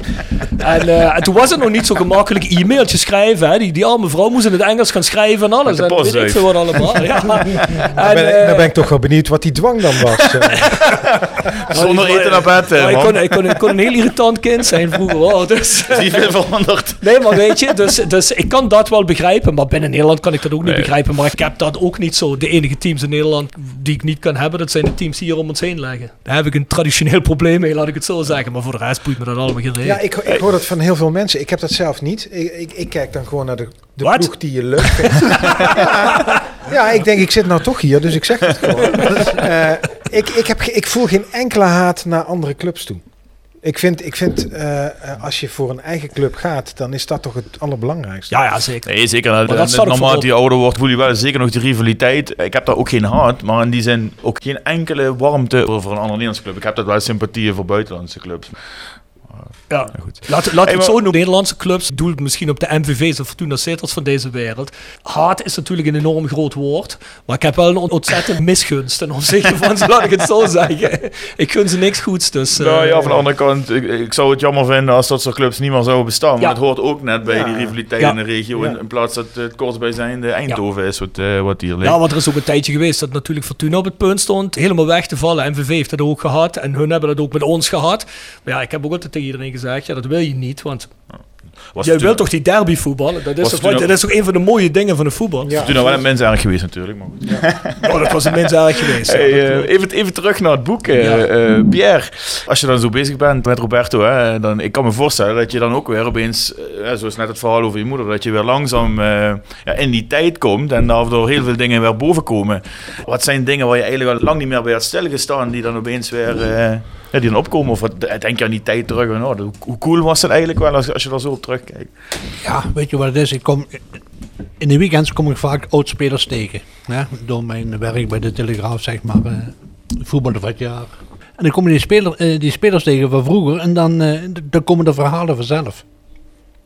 En eh, ja, dat is natuurlijk eh, met Kees Kist en met... eh had vorig jaar was hij Europees topscorer, 40 jaar geleden. Ja, dan maak je zo'n dag mee. eh, dat is geweldig daar. En eh Saki Zwart, daar sta je mee te voetballen. Hoe oud is Saki? 83? 200. Ik zag hem afgelopen week in een Fiat Panda wegscheuren of zo bij het uh, kampioenschapsfeest. Jacques Suarez is wel nog heel erg fanatiek met zijn mond, ja, heb ik gehoord. ja, Dus, eh, Nee, maar dan zit je naast Shaki in de kleedkamer. Maar het mooie daarvan is dan, dan speel je een toernooitje met eh, Heerenveen en AZ. En het uh, Nederlands elftal. Maar Shaki zegt van, jongens, let op, ik wil ook straks met plezier naar Amsterdam terugrijden. Dus hij begint al, voor, voordat we eigenlijk eh, het veld op gaan, begint hij al zo van, jongens, eh, pas op hè. Hij wil wel winnen, hè? Hij wil winnen. Hij wil winnen. Hij is er 84, als schat ik. Schat ik. ja, die is al in de 80. Ja, Ja, ja, ja. ja. in de 80, hè? Mhm. Ja. Maar bloedfanatiek, hoor. Maar je zegt eigenlijk, omdat je nog heel veel met van die gasten spreekt, heb je sowieso vaak van die momenten dat je herinneringen ophaalt. Zoals we dat typisch doen in de kroeg met een biertje, nog eens een keer Ja. de, de, de, de goede oude verhalen ophalen. Ja, dus ik, ik maak dat heel veel mee, hè, met die jongens. Dan, eh, ja, dan zit je ergens, eh, dan zit je bij, eh, ja, noem maar op. eh waar waren we laatst bij Anko Jansen, was dat in, eh Emmen? in Emmen? Breda? Nou ja, ja, daar kom je normaal gesproken ook nooit, zeg maar. Hè, toch? Nee, niet echt, nee. En dan heb ik eh, aangegeven, jongens, eh, ik zou het leuk vinden om eens naar FC Emmen te gaan, hè? Omdat er Anko Jansen speelt. En eh, nou ja, dan een gegeven moment ben ik aan het rapporteren en op een gegeven moment, eh, een kwartier voor het einde, gaat iedereen staan op de tribune en dan sta op als je voor Emmen bent. Nou, het werd zo gek op een gegeven moment en ik stond erbij, hè. Dan sta je, maak je dingen mee en dan... eh, dingen, dan zeggen ze na de wedstrijd van Pierre, eh, jij stond toch op toen eh, SCM... ja, zeg ja, dat, je zit gewoon in die wedstrijd en op een gegeven moment dan doe je mee. Ja, dat zijn dingen die, die, die gebeuren gewoon. En, je komt- zit daar lekker in de beleving ook mee. Van, ja, ja. En dan denk je van, potverdorie, dit is toch een leuke club hier. En er waren natuurlijk ook, eh gewoon Lonnie weet dat nog, wie is daar, eh, wie, wie, wie heeft ons daar ontvangen eigenlijk nog? Eh, ben Haverkort. Ja, dat is de oude scheidsrechter, Oude hè? scheidsrechter, ja. Ja, Oh, dat wist is ik hem niet. di- Directeur. En hij zei van, eh, nou als jullie in de buurt zijn, eh, bel maar op, dan kom ik jullie ontvangen. nou, we werden ontvangen net of... eh, we hadden de schaal niet bij ons, maar... eh, nou, geweldig. Gewoon en... eh, ja, dat soort dingen maak je mee. En, eh, Maar het is toch lekker dat je zo nog door het land kunt reizen en verbonden kunt blijven met de voetbal en al die jongens nog tegenkomt, hè? ja, dus ja. ik denk dat er veel jongens van jouw generatie zijn die er niet meer in zitten en die niet meer zien. Die dat misschien heel graag... eh, Nee, nee, maar door mijn werk eh, als eh, zeg maar het rapporteren van spelers. En het mooie is natuurlijk ook, ja, je kan daarmee doorgaan eigenlijk, want ik zie iedereen spelen natuurlijk. Hè? Dus en er lopen toch wel goede spelers rond overal, weet je wel. En nou, dan denk ik van, nou, dat was eentje van Rode geweest. Nou, dat was dan de laatste man van SCM vorig jaar, Heile, die speelde nou bij Sparta. Die was niet duur eigenlijk, maar... Ja. tip je ook ons- Twan van Mierlo wel eens, of niet? Nee, Twan eigenlijk niet. Nee, daar praat ik eigenlijk niet over. Nee, nee, Nee? nee. Ja, die heeft een, ei- een andere voorkeur misschien, hè? Ik weet het niet, ik heb geen idee. Ja. Schijnbaar wel. Kijk, ik zie genoeg eh, spelers lopen en dan denk ik van, ja, die Pierre, moet dan... eh, Pierre is diplomatiek, die zegt, die zegt gewoon, er wordt eigenlijk geen kloten gedaan, mijn tips. Ja. En eh, Vul ik het gewoon even eindelijk in, kan eh. ik jongens zoals Jeffrey dan, of spreek je dan niet mee? Of zeg je wel eens, hey Jeffrey, ik heb een goeie zien lopen toen ik laatst was het rapporteerde. Nee, dat laat ik eigenlijk... eh, nee, dat doe ik eigenlijk niet. Al- Als ze mij vragen van, Pierre, eh, waar ben je geweest en hoe was het daar? En eh, pup, dan, zeg, dan zeg je natuurlijk van, eh, oké, mij is eentje opgevallen. Zoals vroeger, toen ik rapporteerde, in het begin, toen ik erbij zat bij eh, eh, die jongen van eh, SC, SC Den Bosch, die rechtsback, die is nog in de Bundesliga gespeeld.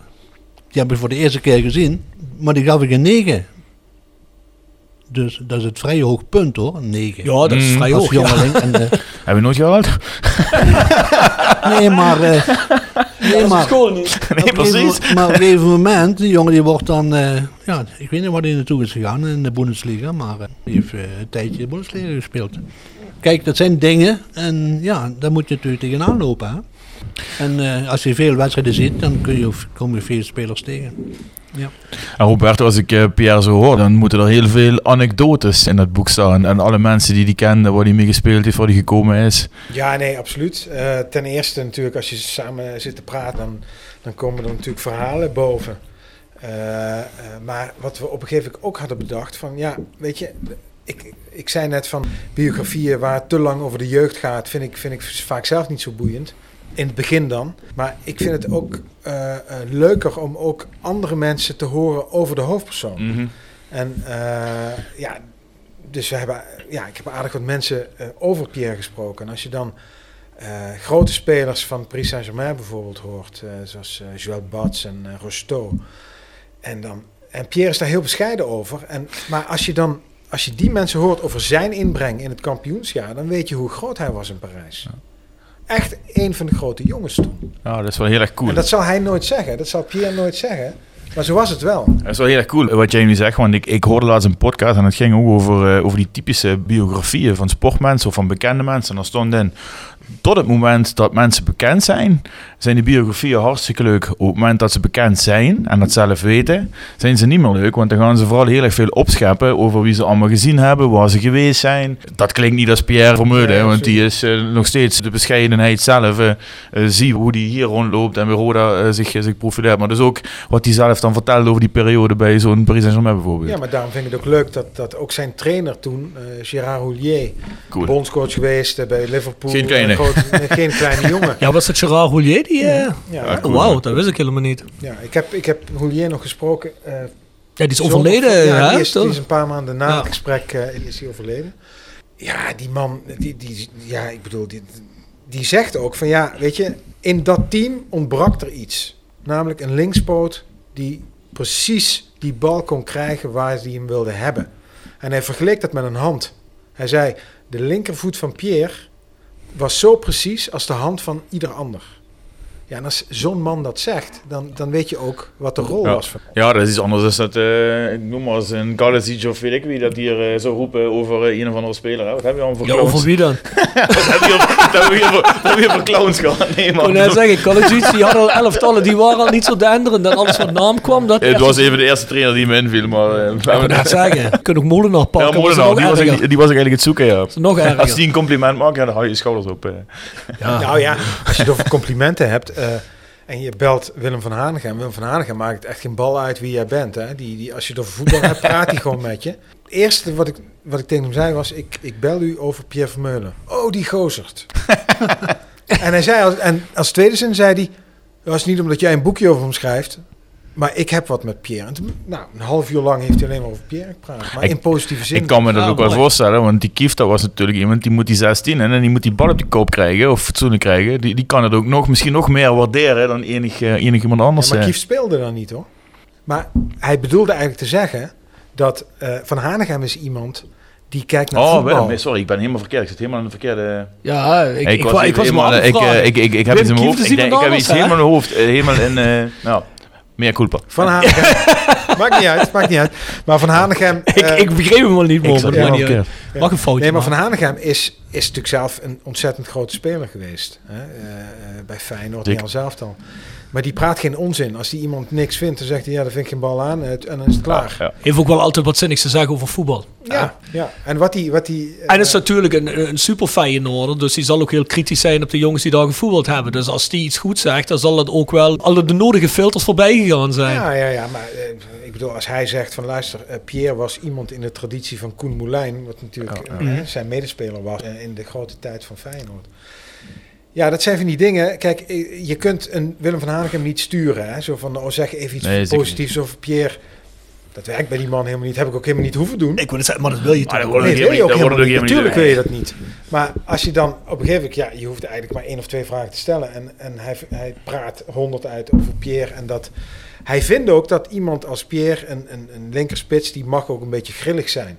Hè? In, in dat systeem van vroeger helemaal.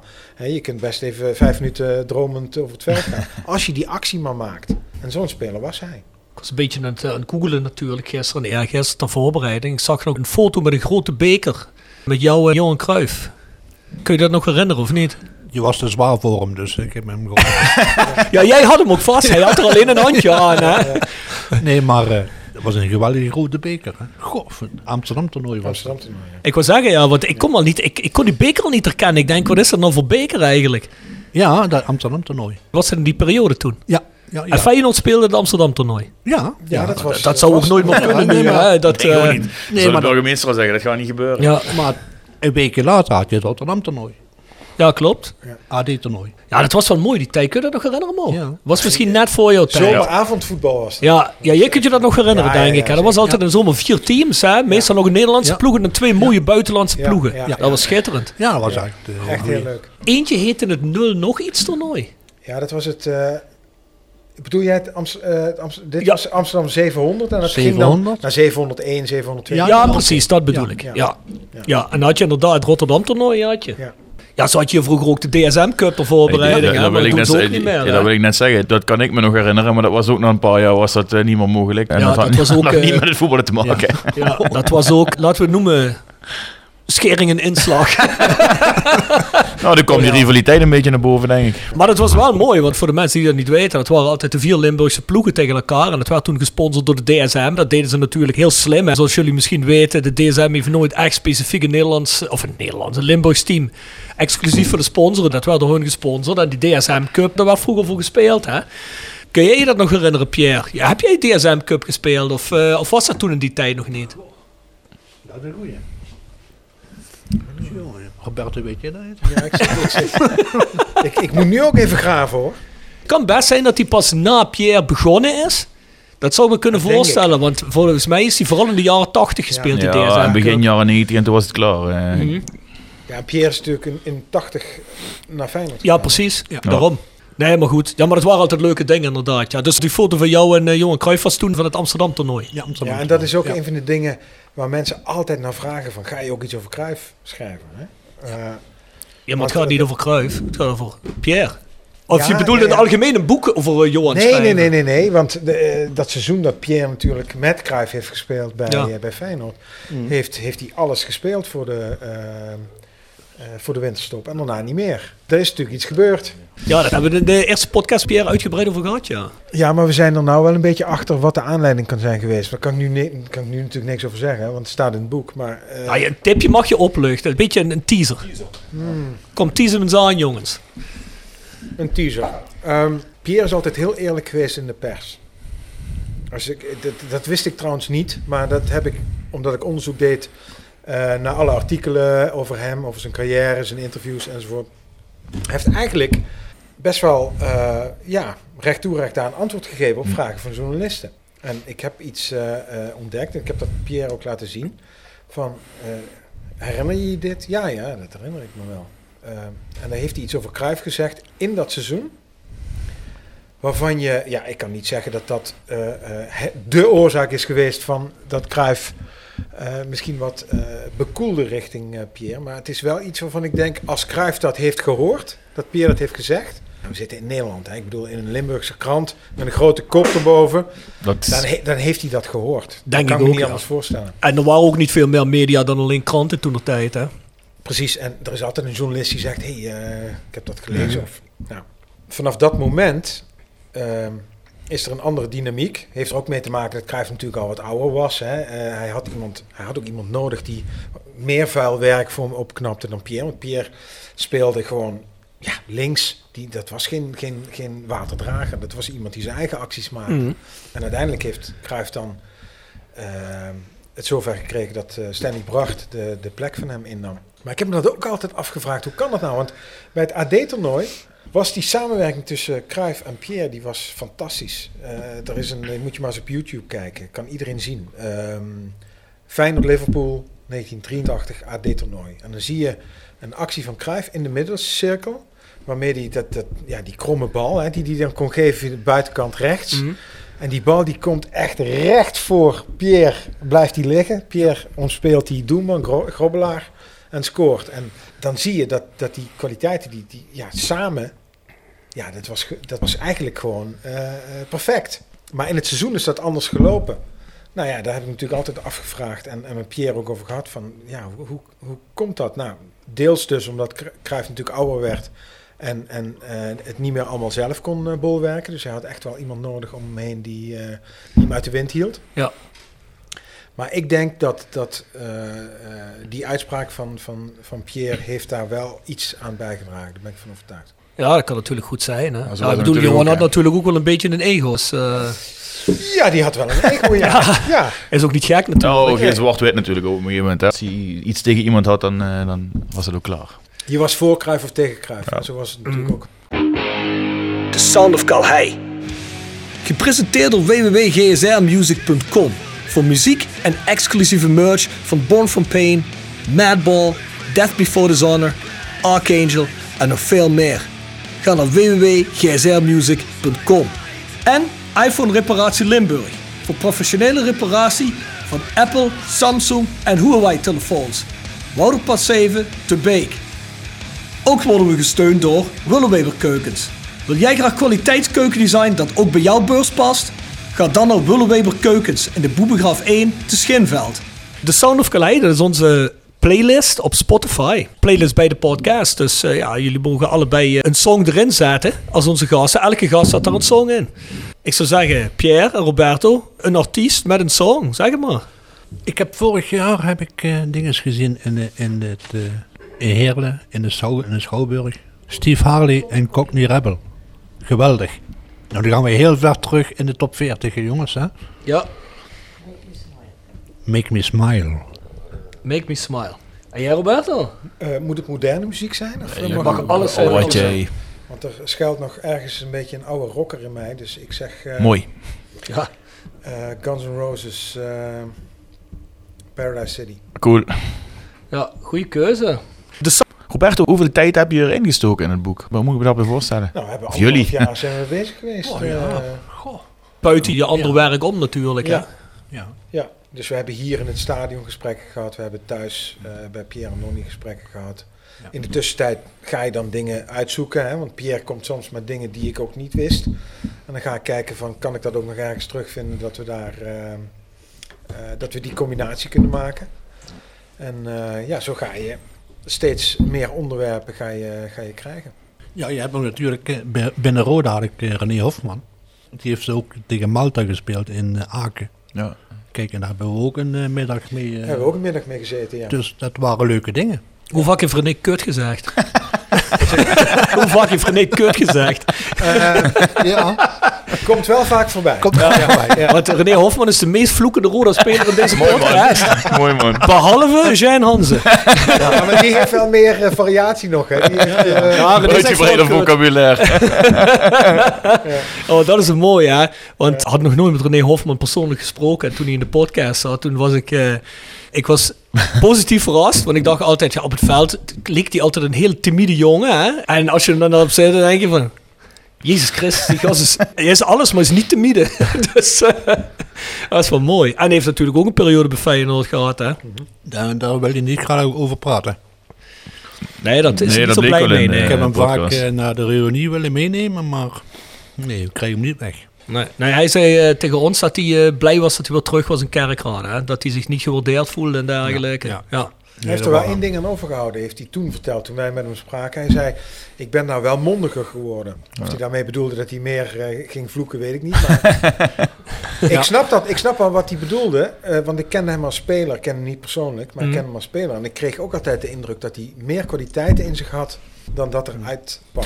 Pierre, we hebben het al wel eens over gehad toen jij in je autootje naar Parijs en zo ging. Maar ik kan me voorstellen, als jij van Roda naar Rotterdam gaat, die cultuur is natuurlijk ook heel anders. Je komt daar ook als redelijk rustige eh, zuiderling aan in het Rotterdamse met al die brani.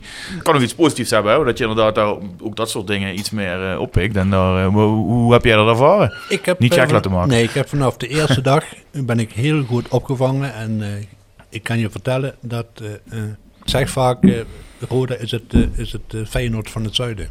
Dus de, je moet het zo zien, eh, eh, de haven, arbeiders en, Ja. de, en dan heb je hier de kompels. Dat ligt kort op elkaar. Dus je zag vooral de parallellen tussen Ja, de twee. dat ligt heel kort bij elkaar. En eh, je bent in Rotterdam, met twee uurtjes ben je in Rotterdam. Hè? ja. Maar jij komt meteen goed aarden. Ja, en ik heb, eh, ik heb het geluk gehad dat ik zeg maar. een- de Feyenoord supporters die eh, hebben ook iets met Roda. Ja, dat merk ik wel elke keer als ze hier zijn. Nou, ik, wil, ik wil er wel iets op zeggen, maar Nee, meestal ja. willen ze bij ons het café inkomen, maar dat gaat niet zonder slag of stoot. wou net zeggen. Dus misschien willen die jongens gewoon een biertje komen drinken, maar Je weet dan het kunnen ze ook gewoon tot de voordeur komen. Je weet het niet. Nee, Ze maar maken de eh, voordeur op een rare manier open. Precies, ja. Die supporters van Feyenoord die, die heb ik niet eh, leren kennen die Roda eh, dingen hebben gedaan. Nee, ik denk, ik, Nee, denk, ik denk ook niet dat je die leert kennen, nee. Johan Cruijff kwam tegelijk met jou, of niet? Of zat hij er al? Nee, die kwam tegelijk, toch, of niet? Nee, ik zat er al drie jaar. Oh, je zat er al drie jaar. Oh, Ja. het was alleen het laatste Dus- jaar, ja, precies. Ja. Ja. Zij heeft, eh, hij heeft Kruijff onder zijn hoede genomen. Ja. Die jongen een je onder mijn beetje- die jongen een beetje gewoon aarde daar. Ja, en- nee, Ik hou je uit de wind, joh. Kom maar Jopie. Nee, dat heb ik helemaal fout op mijn, eh, op Maar, mijn radar. Ja, maar, jij zei net, eh timide Limburger. Hè? Mensen, mensen zeggen vaak van, ook, ook die mensen uit Parijs. Zeggen vaak, ja, Pierre was gewoon rustig buiten het veld. Maar het mooie is dat altijd hetzelfde verhaal terugkomt. Of het er nou in Rotterdam is, of in, in Kerkrade, of in Parijs.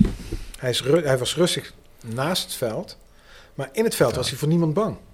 Dus eh, dwing je respect af. ja, Ja. en zo werkt het in de sport. Als jij gewoon laat zien dat je goede voetballer Ja, bent, dan kun je timide zijn, dan kun je rustig zijn, dan Ja. kun je... Ik denk dat dat overal zo werkt. Hè. Ja, We- we- denk ik, ben helemaal niet van het Calimero-gedrag hier. Het park zit Calimero-gedrag. eh, maar ja, je hoort het dan van zo'n René Hofman eh, in die zin. Die, terwijl als hij zou weten hoe goed dat die was bij zo'n spreken, dan heb je dat helemaal niet nodig. Dan ga je gewoon je ding doen. Ja, want dat is Pierre denk ik bij Meulen, Pierre gewoon gebeurd. En, en eh, eh, in Rotterdam eh, houden ze natuurlijk ook een beetje van de ge- gestampte pot in de zin van er moet gevochten worden, net zoals in, op, op Kaalheide vroeger, hè, en bij Roda.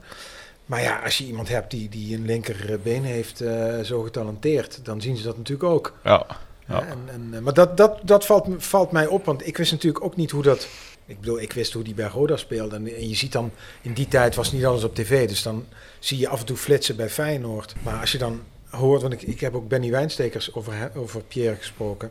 En die zei, ja, die Pierre, die, zijn- die zijn niet zoveel. Maar in het, bij, op de training, dan liep hij drie keer voorbij.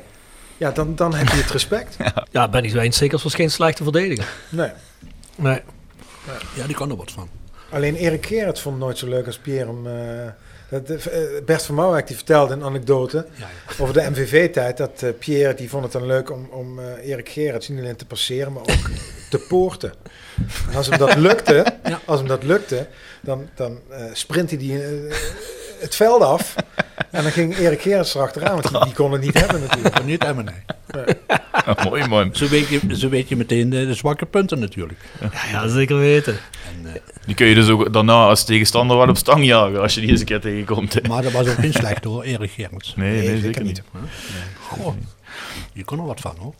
Wat zijn nou jullie lievelingsanekdotes uit het boek? Jullie hebben er beslist allebei één. Ja, ik kom toch bij Ernst Happel uit. Ja? Vertel eens, Pierre. Nou, zal ik het vertellen? Ja, ja. Je hebt het geschreven, hè? Ja, Dus- maar het is jouw... eh, Dat is jouw anekdote, ja. Eh, de eerste keer met eh, Ernst Happel was zo, eh, eh, hij zei, Van Meulen, kom maar ja. Dus Van Meulen, kom eens hier. Ja, ja.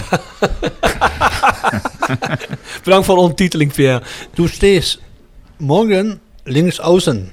Dan musst du aufpassen, dass du morgen nicht links draußen kommst. Heb je hem? Heb je? Ja, ja. ja. Typisch Happel, hè? Typisch Happel. Lekker gevat. Ja, kort samengevat. Ja. Ja, Happel die zijn nooit veel echt. eh. Nee? Nee, nee, zijn nooit, nee. Ja, alleen bij de opstelling moesten iedereen noemen natuurlijk, maar voor de rest... eh, het, eh, Dus de, de wedstrijdbesprekingen waren vrij kort, zoals die Vrij zin van net. Vrij kort, ja, ja, ja, ja. Maar we wisten meteen eh, hoe we stonden natuurlijk. En, dat heb je met super goede trainers. Hè, die, hoeft niet veel te zeggen hè, om het goed te doen. Hè. Ja, weet je wat het is? Voor die Ernst Happel een beeld wat me altijd bijblijft. Ik weet niet, ja, Mo begint te lachen. Ik weet niet of, die, of dat voor zijn tijd was of niet, of dat hij dat later gezien heeft. Maar wat altijd bijblijft van die Happel is Utrecht HSV in de Europa Cup. Kennen jullie dat? Ken je Ja, dat, ja, Mo? ja. Nee, ik kijk niet, weet ik niet. Utrecht HSV, en dan was hij HSV trainer. Ja, Utrecht speelde dat volgens mij niet in een eigen stadion. Volgens mij in Oud-Monnikenhuizen. Ja, in Arnhem. Ja, dat Utrecht publiek, ja, dat, is, dat was zo asociaal. Het stond ook op dat moment bekend eigenlijk als het meest agressief en asociaalste publiek van Nederland. En die Happel, die zat op een bankje, net, achter het hek, net voor het hek. En die werd bespuugd, beschreeuwd, bier over zijn kop geschud en die Happel bleef gewoon zitten. Zo is het. Gewoon helemaal niks. En dat was niet normaal. Dat was echt bij de honden af. Ja, dat werd natuurlijk uitgebreid uitgemeten op tv, maar dat was niet normaal. Maar dat is het beeld wat me altijd bijblijft van Happel. Dat ik denk van ja, dan moet je toch wat ballen hebben als je daar gewoon blijft zitten. Is toch de, is toch de man van Kain Geloel, hè? Ja, Ja, ja, ja. ja. voetbalspeler. Ja, ja, ja. ja, ja. Trouwens een uh, Feyenoord podcast, hè, Geloel. Ja, precies, ja. Ja. Ja, ja, ja. Ja, maar er zijn zoveel van die, van die hele korte anekdotes over Happel. Hè? Want ik sprak een keer met Willy van den Kerkhoff, die heeft natuurlijk de WK-finale 78 gespeeld. En toen zei hij, ja, weet je wat Happel tegen mij heeft gezegd als opdracht? Ik zei, nee, vertel het maar. Toen moest hij met die lange haren pakken. ja, dat, dat waren dat was er dat, nog wel dat waren er 11 op het veld en 80.000 op de tribune. Ja. Oh, niet normaal, hè. Jongen, jongen, jongen. Dat was zijn tactische instructie uh, voor een WK-finale. Ja. ja, die heeft geluk gehad dat hij natuurlijk altijd heel goede teams getraind heeft. Hè? Ja, ja. Als je op een gegeven moment wel als zo'n trainer, dan kun je natuurlijk een goede trainer zijn, maar als je dan een team tegenkomt zoals Pak Roda vorig seizoen, wat niet altijd lekker draait, dan moet je natuurlijk iets meer in duwen. Of denk je niet, Pierre? Of denk je dat zo'n trainer dat dan ook gewoon zonder bespreking en zonder instructies... Uh... Nou, ik denk dat hij dag en nacht uh, ermee bezig is, denk ik. Want uh, ik denk niet dat de jongens naar huis kunnen rijden. je bedoelt, die, die moeten een paar extra trainingen doen. Misschien na de, na de wedstrijd pas, als ze naar huis kunnen gaan. Maar, uh, nou, het zijn, dat, Happel is een trainer die, ja, die moet je, die moet je, uh, dat moet je meemaken. En het leuke is natuurlijk, die jongens die met je meespelen, die, die, die, die gaan ook reageren. De een zegt dan van, uh, een gek is dat? En de ene zegt van, god, die is wel uh, niet op het mondje gevallen. En, ja, iedereen heeft een eigen ding hè, over de trainer. Maar ja, ik zeg altijd, uh, als je niet eruit wordt genomen, dan is de trainer altijd goed eigenlijk, toch? Ja, ja, ja, natuurlijk. Zolang je in de basis staat, hè, zolang je niet uitgewisseld wordt, is hij perfect. Dat Ja. is zo. Ja. En wie was eigenlijk je laatste trainer hier bij Roda? Ik heb er één gehad. Ja, dat weet ik niet. Ik weet het echt niet. Ik vraag Bert het oprecht, ik weet het niet. Ja. Ja. Bert Wie? Jacobs. Bert Jacobs, in die tijd, ja, oké. Ja, ook, een, ook een mooi figuur, toch? Ja. Ja. Daar kun je ook nog eens een boek over schrijven. Heeft hij een boek? Nee. Ja, want Weet ik, ik was, zo best kunnen, ik weet het niet. ik had een contract postuum, bij Feyenoord. Toen wilde hij me eh, ha- halen naar eh, waar hij trainer was. Hier in de buurt. Ja, maar daar heb je maar voor Ja, ik- gekozen. Dat is een stuk beter, Pierre. Echt waar? Maar je moet bij MVV wel degelijk een echt goed seizoen gehad hebben. Als dan naar Paris Saint-Germain wil hebben natuurlijk. Ja, hè. ja. Was dat op basis al van de seizoenen Feyenoord-Roda? Of was dat echt eh, op de basis van het seizoen MVV? Nou, ik had een goede, goede hulp. Dat was Henny Hollink. Die, is, die heeft eh, Roda eh, naar de eredivisie gebracht. Hè. Die was uit Almelo. En die belde mij op van Pierre... ik heb een vriend die is trainer in, in Parijs en die wil je hebben. Ik zeg ja. Nou, dan kom ik. En eh was snel beklonken. Dus Henny Hollink die heeft mij ook eh, naar Parijs gebracht. Ja, ja gouden greep. Als, nou, ja, ook als Roda trainer in het verleden. Dus hij zag het ook wel. En eh, ik ben van Parijs naar Tours gegaan. Daar zat Henny Holling ook in.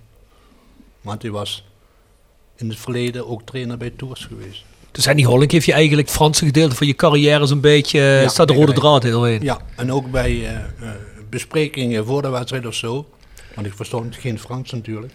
Dan, ja, dan had ik met, met Gérard Hoyer zaten we bij elkaar naar de, naar de, naar de bespreking. Met Henny Holling erbij en Dan kon hij het vertalen. Ja. de vertaling. Ja. Nou ja, je had natuurlijk geen Google Translate, hè, waar je eventjes...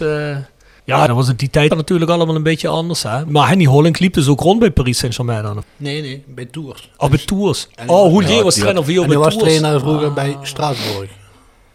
Het waren vrienden, Houllier en eh Hollink. Gérard Hoyer die zat in Lens, in het noorden van, van Frankrijk. Ja, die was eh, bevriend met eh, Henny Hollink. Die zat bij Straatsburg. Zodoende dat ik eh Parijs trek. Maar eh, Happel was jouw anekdote. Wat Ja, was die van jou, eh eh Roberto? Ehm, nou ja, ik, ik vind nog steeds het verhaal rondom Anderlecht vind ik, eh, hilarisch. Ehm, eh, grootste wedstrijd op dat moment in de historie van Roda. Eh, ze hebben een geweldige wedstrijd gespeeld op, op Astridpark. Dus uit, uit bij Anderlecht. Ze stonden nog voor, een paar minuten voor tijd stonden ze nog met 0-1 Mhm. voor. Ze verliezen met 2-1, maar zijn echt nog niet uitgeschakeld. Dus die wedstrijd op Kalheide, dat, dat, ja, dat, dat was A, uitverkocht. B, mensen hingen in de bomen. eh, eh, het was een compleet pandemonium. Dus iedereen in dat stadion was echt geladen op die wedstrijd. Alleen Pierre was er niet. Hij was er niet. Hij was in, hij was in de file terechtgekomen. dus hij, op een gegeven moment, ja... Bert Jacobs, die, die, die, die heeft zoiets van, ja, voor 10 minuten eh, of nog minder... moeten wij het veld op tegen Anderlecht. En, en Pierre is er niet. Ja, ik was de enige. eh, ik zat in, in, de laatste, eh, in de laatste auto zat ik. We waren, we waren in Simpelveld in het, eh, op, ja, noem je dat? Trainingskamp. hapje eten. Oh. Ja, trainingskamp. Oh, iets te lang in het bier blijven zitten. Nee, Dan ben je nog iets positiefs van te maken. Nee, iedereen was met de auto en eh, ja, ik natuurlijk ook. Ja, wat heb je dan? Ja, iedereen rijdt weg. Ja, ik ben achter hun aangereden en eh, ze hadden een beetje, zij hadden een beetje escorte, politie eh, escorte erbij. En eh, ja, ik, ja, ik moest maar zien te behelpen. En, eh, Ja, de politie-escorte gemist. maar ik heb geen warming-up gedaan, hè. Ja, Dus mensen die in het stadion waren, die hebben... Kreeg al paniek. Waar is Vermeulen? Nou, ik was er niet. Maar ik ging naar buiten toen de jongens er binnenkwamen. Van de warming-up. En eh dat is me zo goed bevallen, want ik scoorde ook in het begin. ik wil het zeggen. ik denk, ik ga nooit meer naar buiten voor een warming-up. Want, eh, Het is geen Aljen Robben warming-up van, dus eh, ik van ga, drie ook, uur. ik ga ook met de eigen auto, dat ik het... eh, huh? Maar ja, dat zijn ook dingen die kun je je tegenwoordig niet meer voorstellen. Hè? Dan moet iedereen netjes in het busje zitten. En dan, eh, precies, ja, precies. Als je nu een kwartier voor de wedstrijd aankomt, dan mag je naar de tribune gaan volgens mij. Hè? Of hoe zit dat tegenwoordig in elkaar? nee, maar maar- daarom... Kijk, die anekdotes van Pierre, die, die, eh, dit vind ik een van de, van de mooiste. maar dit, dit dat zijn ook tekenen van, van een andere tijd. Ja. Ja. En dat is mooi, eh, ja, als je zelf niet meer de jongste bent zoals ik. En ik, ik was toen jongetje en ik was niet bij die wedstrijd, daar was ik nog net iets Mhm. te jong voor. Maar dan, dan herken je die dingen zo van, ja, die mensen, voetballers waren vroeger gewoon mensen die ook aanraakbaar waren, die je bij Mhm. wijze van spreken bij de, bij de bakker tegenkwam. Hè? En zo was Pierre ook. Eh, en zo waren meer spelers in die tijd. En als je dan dit hoort, dan denk je, ja, ik bedoel, er zitten drie- 23.000 mensen zitten daar in, in volle spanning af te wachten. Ja, en iedereen had Pierre komt daar even vijf minuten van dus- tevoren aan, eh chasen. Dat, dat, Ja. dat- Ja, ik herken dit wel van shows. Iedereen zich afvraagt, waar is die nou? En dat je dan eh, tien minuten voordat je op de bühne moet aankomt, eh, Ja. afgelaaien, vol met alcohol. En waar zit je nou? Ja, ik was bezig. Maar dat kan, dat kan ik me daar nog een beetje bij voorstellen. Bij sport is natuurlijk veranderd, maar de, de- Nee. de afstand aan zich. In, in de jaren negentig met succesteams voor Roda stond je naderhand ook nog ergens in de kroeg te drinken. En tegenwoordig eh, zijn ze het stadion uit voordat de wedstrijd is afgelopen. Ja. Zitten ze dan ook Dan moet ik wel, dan moet ik wel eerlijk dan de sporters. Ja, Eh, precies. Ja. Eh, En dan moet ik wel zeggen, eerlijk gezegd, de jongens die, ik weet niet hoe jullie dat zien, maar de jongens die wij hier in de podcast krijgen van het team van dit seizoen, heeft er nog niemand bij gezeten waarvan ik zeg van, wow, dat is er eentje die... eh, Nee, maar ik heb ook niet het gevoel dat, nog, dat ze nog steeds als een team na de wedstrijd een biertje zitten te drinken en, Nee, blijven. en, nee, maar ik denk dat dat ook wel gewoon de tijd aan zich is. Niet eens de personen aan zich, maar de tijd aan zich. Dat, want ik denk wel dat er een paar jongens, als je nu gewoon mensen in het stadion had, dat er wel mensen naar de schaak zouden komen. Een paar van die jongens en gewoon een biertje met je komen drinken. Er zitten er wel een paar tussen hoor. Dat, eh, dat geloof ik wel. Alleen, dat was, vroeger was dat gewoon iedereen in het elftal. Ja. Daar was het de uitzondering als er eentje niet meekwam. Nu zijn het er natuurlijk drie of vier die wel komen en de rest ziet dat misschien niet zitten. Ja, dat waren ook andere tijden gewoon. Dat was alles. Vroeger zagen je ouders je de hele dag niet. Dan ging je om 12 uur naar buiten en dan kwam je als het licht uitging. Buiten kwam je naar binnen en dan maakte zich niemand zorgen de hele dag. Tegenwoordig is een kind half uur niet... eh, ja, mooi. Jij hebt je jongere kinderen, dus jij kunt me dan misschien... ik heb geen kinderen, dus jij kunt het misschien beter zeggen. Maar eh, wanneer begin jij eh, in paniek te raken als je je kinderen buiten gaat spelen? Je hebt ze niet gezien een tijdje lang. Het begint er bij een half uur, een uur, twee uur, Nou ja, ik, ben- ik ben blij als ze überhaupt buiten gaan spelen. Dat beginnen dat is, nee, ja, dat, dat is serieus zo. Dan moet je ze losweken van een spelcomputer en, Ja. en naar buiten jagen. Maar ja, dan heb je inderdaad dan heb je een GPS-horloge om en dit en dat. Dat, eh, dat kennen we niet. Ja, precies. Dat zijn zo andere dingen. Hè. Dat, is- ik bedoel, ik, ik kan me nog herinneren, vroeger Calais, dan reden we op de fiets hier van ter Winst. Dan reden we heen en dan gingen we bij, was dat, was dat Hans Fischer vroeger, die er op kantoor zat? Op Calais. Die, die, eh, die, die of, eh, eh, of, Hans Curver bedoel je? Hans Curver. Ja, Hans Curver, Hans ja. Curver, niet Fischer, Hans Curver bedoel ik natuurlijk. En eh dan klopt hij daaraan, tok, tok, tok, tok. De Curver, eh heb die, eh, heb die eh, kaarten van de spelers? Ah, ja, kom maar, jong. En dan eh, kreeg je een paar van die kaarten. Of je ging bij spelers aan de deur. Hè. Die woonden gewoon in de woonwijk. Ja, ja, hè. Ik, woonde in de nieuwbouwwijk in Terwinsel op de knip. En dan woonden vroeger in de 80 jaren, 90 jaar, woonden daar spelers. hè. Een paar van die ja, jongens, Diliberto. En dan ging je aanbellen. Hè. Hey, Silvio, heb je kaart? Ah, kom maar hier. Ander tekenen. Hè. Dat, ja, maar dat was allemaal wereld. vroeger had je ook eh, in, het, in het boek, ook van Panino geloof ik, stonden de adressen van de, van de spelers. Ja, ja, ja. Ja, ja, ja, ja, klopt. dat moet je nu Daar stonden soms de adressen van de spelers in, ja. Eh, Er was er nog geen AVG. eh. nee, ben je gek? Moet je? Gewoon, gewoon, kun je gewoon ding doen. Ja, maar dan moet je, ja, dan moet je, moet je voorstellen. Ja, dat was vroeger. Ja. Nee, tijdens- heb, je- heb je er veel aan de deur gehad, Pierre, of niet? Boah, vrouwen. Dat nog Lonnie, niet. steek even je vingers in je oren. nee, het, dat viel reuze mee hoor. Viel reuze mee. Nou, ik heb wel een interview gelezen in een oude VI. Dat jouw moeder vertelde dat ze duizenden kaarten lieten drukken. Want er kwamen zoveel mensen langs. En die, die signeerden per keer dan. Die, Ja. die kregen allemaal een kaart mee. Nee, maar dat was ook zo. Ik kan me de dag herinneren, als kinderen gingen wij aan de deur bij Roda-spelers en vroegen dan voor een kaart en die signeerden ze dan. Was je altijd heel nerveus. Ja, wie gaat er aanbellen? Nee, bel jij aan? Nee, Ja, jij moet ja, aanbellen. Ik heb het bij die andere aangebeld. Ja. Ja, en dan stond je dan met een man of drie, vier voor de deur. Ja, dat was altijd heel vriendelijk. En die jongens, die, ja, die boeiden het niet. Ja, dan kreeg je een kaartje. En eh, hadden ze meestal naast de deur liggen, omdat ze wisten dat wij voorbij kwamen. Dat moet je je nu niet voorstellen. Dat je nu gaat aanbellen bij, eh, weet ik veel, eh, bij Mo Iatar en eh, voor een kaartje gaat vragen. ik weet Dan het heeft niet. hij waarschijnlijk een of andere beveiliger nog voor de deur staan. Ja, maar dat is het, hè. Kijk, dat bedoelde ik net met benaderbaar in die tijd. Die kon je overal tegenkomen. Die kon je dus ook bij hun eigen huis even Ja. zien. Ja, tegenwoordig, en dan heb ik het niet eens over de grote sterren, want die wonen helemaal ver Mm. van de Ja, ja, zeker. Dus dat, dat is gewoon een andere tijd. Ik vind, ik vind het wel leuk, en niet alleen bij Pierre, Ik heb dat nu natuurlijk met hem helemaal doorgesproken. Maar ook andere mensen die dat soort anekdotes hebben. Van ja, het waren gewoon mensen. Zou je dit nog eens doen, Roberto? Of heb je iets in het vizier waar je denkt van ik heb het nu met, eh, met Pierre gedaan en dat was fantastisch. Dit spreekt je aan, dit... Nou, wat mij eh, vooral aansprak was eh, wat er allemaal in zijn carrière zit. En dat, dat kijk, bijvoorbeeld een Jan Hansen, dat, vind, dat vind ik ook een geweldige Roda-man. Hè, en daar zou, ik, eh, daar, zou- daar zou ik ook best over willen schrijven. Maar dat, je moet op een gegeven moment gaan bedenken van... Dan moet je hem wel zeggen dat hij echt alles moet vertellen. Ja, ja dat, dat wel. Want dan wordt het echt interessant. En niet alleen over de vissen en de vogels, zeg maar. Nee, Want jij heeft op de record heel goede verhalen.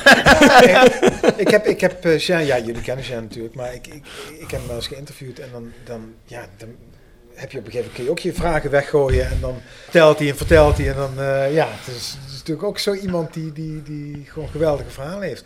Maar ik heb met Pierre, omdat ik hem heb zien spelen, eh, ik heb Jean later ook zien spelen, maar hij, eh, Pierre was een van de eerste die ik zag spelen bij Roda en die, die mij aansprak. En dus ik heb nu niet iemand in het vizier waarvan ik denk, dat wil ik, het, wil ik ook gaan doen. Omdat ik, dit, dit vind ik wel uniek, omdat hij eh, zo'n gevarieerde carrière ook heeft. Mm. Misschien een stomme indiscrete vraag, maar wat verwacht je van dit boek?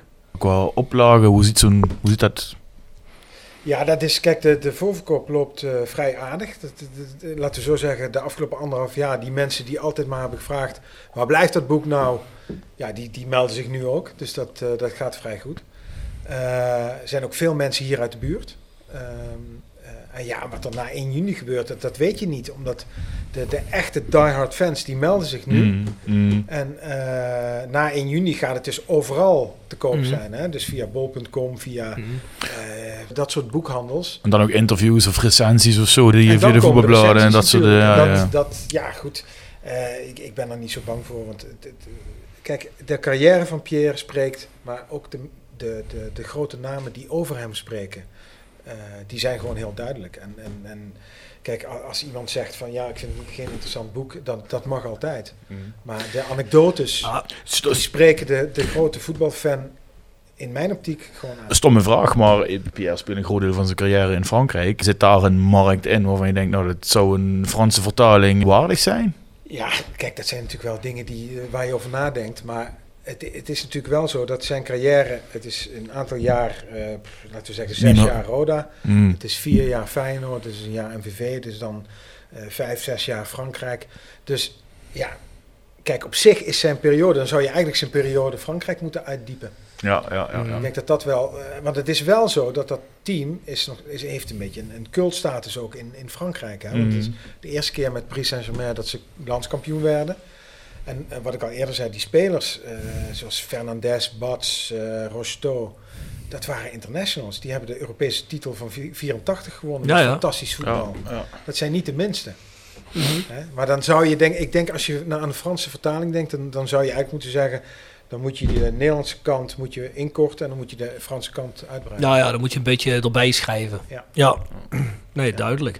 Maar ja, goed, van de ene kant, met dat soort dingen. Ik zie dat zelf ook soms in dingen die ik onderneem. Daar heb ik zoiets van, ja, het maakt me eigenlijk niet uit of dit commercieel een succes wordt. Of dat ik hier nog iets aan verdien. Ik vind gewoon dat dit er moet komen, omdat ik vind dat dit het waard is om het te doen. Nou heb je gezegd wat ik al wilde zeggen.